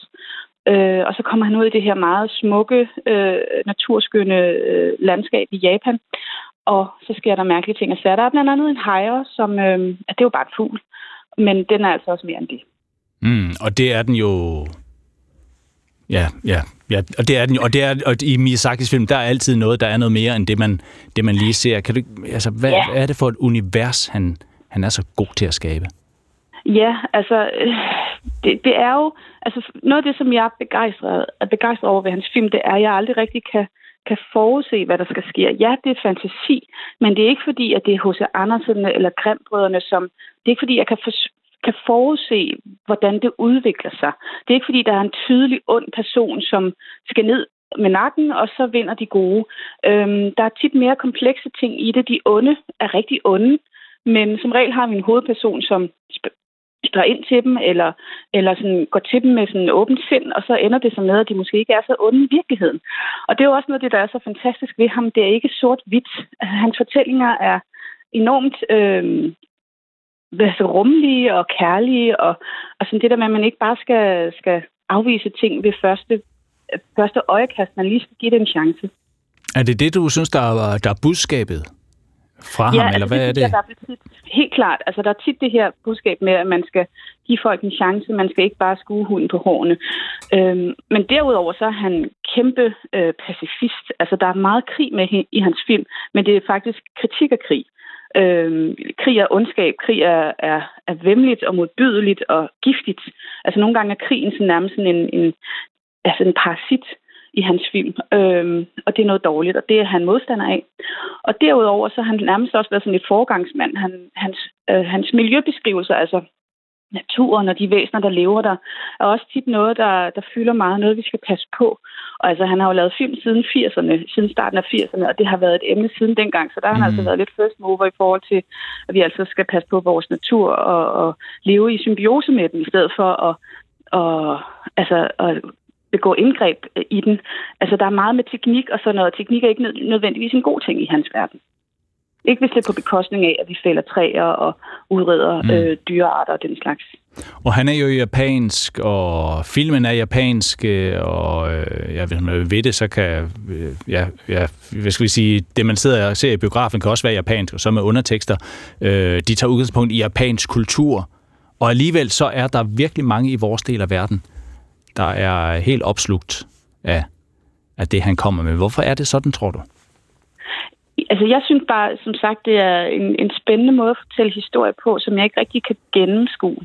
Øhm, og så er der den her japanske folklore, som fascinerer mig enormt meget. Der er altid nogle mystiske væsener med. I uh, Totoro, som er en af hans tidlige film, der er sådan nogle store pelsede skovvæsener og, øh, og nogle støvalfer, og jeg tænkte, gud, hvor har han fundet på det? Øh, men meget af det er i virkeligheden noget, han tager fra sådan den her japanske folklore og øh, sådan nogle fortællinger, de har haft. Det ser man også i Chihiro, hvor der er sådan et badehus, som, som, øh, som kun har kunder, som er de her underlige væsener, øh, sådan nogle andedyr med, øh, med blade på hovedet og øh, vand i hovedet. Og sådan. Altså, der er mange underlige, sådan, som jeg aldrig har kendt til, men som Miyazaki altså har været med til at åbne op for mig. Øh, så jeg har fået en interesse for japansk kultur. Øh, jeg tror også, der, der er sådan en ting med, at der er lækre madscener i animefilm, som man kalder de her tegnefilm fra, fra Japan. Mm. Øh, jeg tror, at han har været med til, at man har fået interesse for japansk mad. Øh, selvfølgelig lever vi i en multikulturel verden, hvor at vi har adgang til alle kulturer, men jeg tror bestemt, at han har været en, en stor faktor for, at, at vi har interesseret os for japansk kultur. Nu er han så blevet 82 øh, år, Miyazaki. Der kommer, øh, ja, nu er der kommet en, en ny film. Ja, må ikke, ja, de fleste regner med, at det så er hans sidste film. I den... Oh, men det sagde han jo også for 10 år siden, ja, når Vinden rejser sig. Ja, man og ved han det er ikke. jo arbejdsnarkoman, så lad os nu se. Ja, men hvis du skal samle op på det, han har leveret, det han har givet til, til animationsgenren, til ja, film i det hele taget, hvad er det så? Åh, oh, jamen altså, han har jo givet noget... Øh Altså, jeg, jeg går altid ud af biografen, eller jeg, jeg ser jo også en film rigtig ofte herhjemme. Øh, men jeg, jeg bliver altid lidt et bedre menneske, når jeg ser dem, fordi at de er så... Der er sådan nogle, det er ikke fordi, de er super moralsk løftede pegefinger, sådan lidt kvant, som Disney nogle gange kan være sådan meget sådan, okay, vi, vi forstår godt det her budskab, men, men Miyazakis film er sådan oprigtigt gode og rørende, og man, man bliver altid opløftet, og man har den der, jeg har i hvert fald den der følelse af, at jeg vil godt være et lidt bedre menneske. Jeg bliver motiveret og inspireret til at være bedre menneske af hans film. Mm. Og det tror jeg er hans gave, og det synes jeg, der er ret fantastisk. Har du været i hans, øh, i hans world over nej, Japan?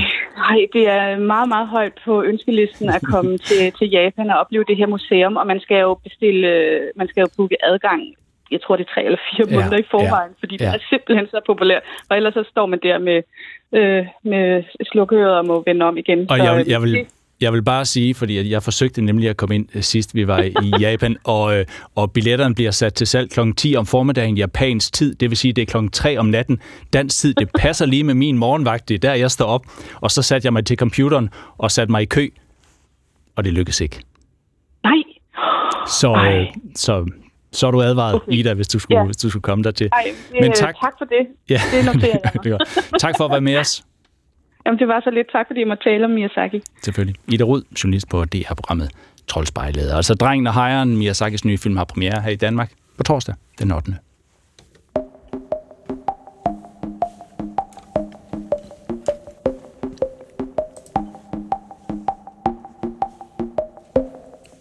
Godmorgen, Jes Ågaard. Godmorgen. Du er øh, biolog, du er naturvejleder, og så har du sendt en, øh, en tekst til os, som, øh, ja, hvor du, du skriver, at lige nu er der mor i skoven. Hvem er morderen? Ja, det er et godt spørgsmål. Og hvis vi nu bliver i filmens verden, så er det sådan en morder, som sådan er derude i mørke, og man kan kun høre ham, og han laver sådan nogle forfærdelige skrig. Og nu skal jeg prøve efter bedste evner og, og efterlige. Det er sådan! Ah! Jeg ved ikke, om det bliver for højt for lytteren her fra morgen af, men det er sådan nogle, altså det lyder som om, der er nogen, der bliver slået ihjel derude. Men bare roligt, det er, det er helt naturligt. Det er, det er den røde rev, som lige nu er i gang med at rolle. Ja. Ja. Og hvis vi bliver lidt i filmens verden, nu var I jo lige omkring den japanske filmkunstner der, rent faktisk så har den her lyd, øh, den bruger man nogle gange til at skabe sådan en uhyggelig stemning. I kender godt det der, når man er ude i mørke og den gustende filmstemning, og, og der kommer sådan et dæmpet, øh, uhyggelig musik, så kommer de her skrig. Det er simpelthen revskrig, man har optaget. Men der er jo en naturlig forklaring på det. Fordi reven går ikke derud og skriger for at skræmme, øh, kan man sige. Livet er også. Det er fordi, det er rolletid. Mm. Og rolle, det betyder, at man parer sig. Det er sådan et tysk ord for at parre sig, og det er paringstid. Og han, han går jo og skriger af, af kan man sige, øh, stor kærlighed til hunderne. Eller i hvert fald håb om, at der kommer stor kærlighed, øh, fordi at de skal parre sig nu her, fordi om cirka 53 dage eller sådan et eller andet, der skal de sætte nogle valpe. Vi skal lige have den lyd en gang til. Ah, altså, jeg kan se, at der er en, der reagerer her. Det er min hund. Den tænker, hvad sker der her? så, men, så. Øh, men i revverden, der er, det, øh, der er det sådan lidt frægt. Måske, øh, det er i hvert fald ikke uhyggeligt på nogen som helst måde. Nej, det er det ikke. Og det er jo fordi, at øh, reven den har jo sit territorium. Og, og blandt ræve, som så mange andre, så er der meget forskellige familiemønstre her. Der er regnbuefamilier, hvor han, han går rundt og servicerer flere hunder. Og så er der sådan, sådan de mere, kan man sige, øh, øh, polygame, eller hvad er det, monogame, som sørger for, at de kun har én hund, som de servicerer. Så han har et, et stort revir, hvor han går ud og finder sig en, øh, en hund. Og nogle gange er det så en enkelt hund, og andre gange så er det flere hunder. Og den måde, de kommunikerer på, det er altså de der høje kald. Øh, og de kan faktisk kende hinanden på kaldet. Øh, så det er, det, er, det er specifikt. Der er jeg ikke kommet til endnu. Jeg kan ikke høre, om det er den ene eller den anden rev. Men Nej. det, det kan reven. Men jeg så går, er det ikke et meget tidligt, altså ikke meget tidligt på sæsonen, de går i gang? Fordi jeg tænker, de må have så meget andet at kæmpe med i øjeblikket. Det, det sneer, det er koldt, det er...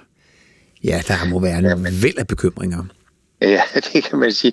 Men det er jo fordi, at øh, vi andre har også bemærket, at øh, lyset er begyndt at komme tilbage igen, og selvom vi nu har sludret sne og, og nogle gange lidt nattefrost, så øh, det er det er rigtig koldt.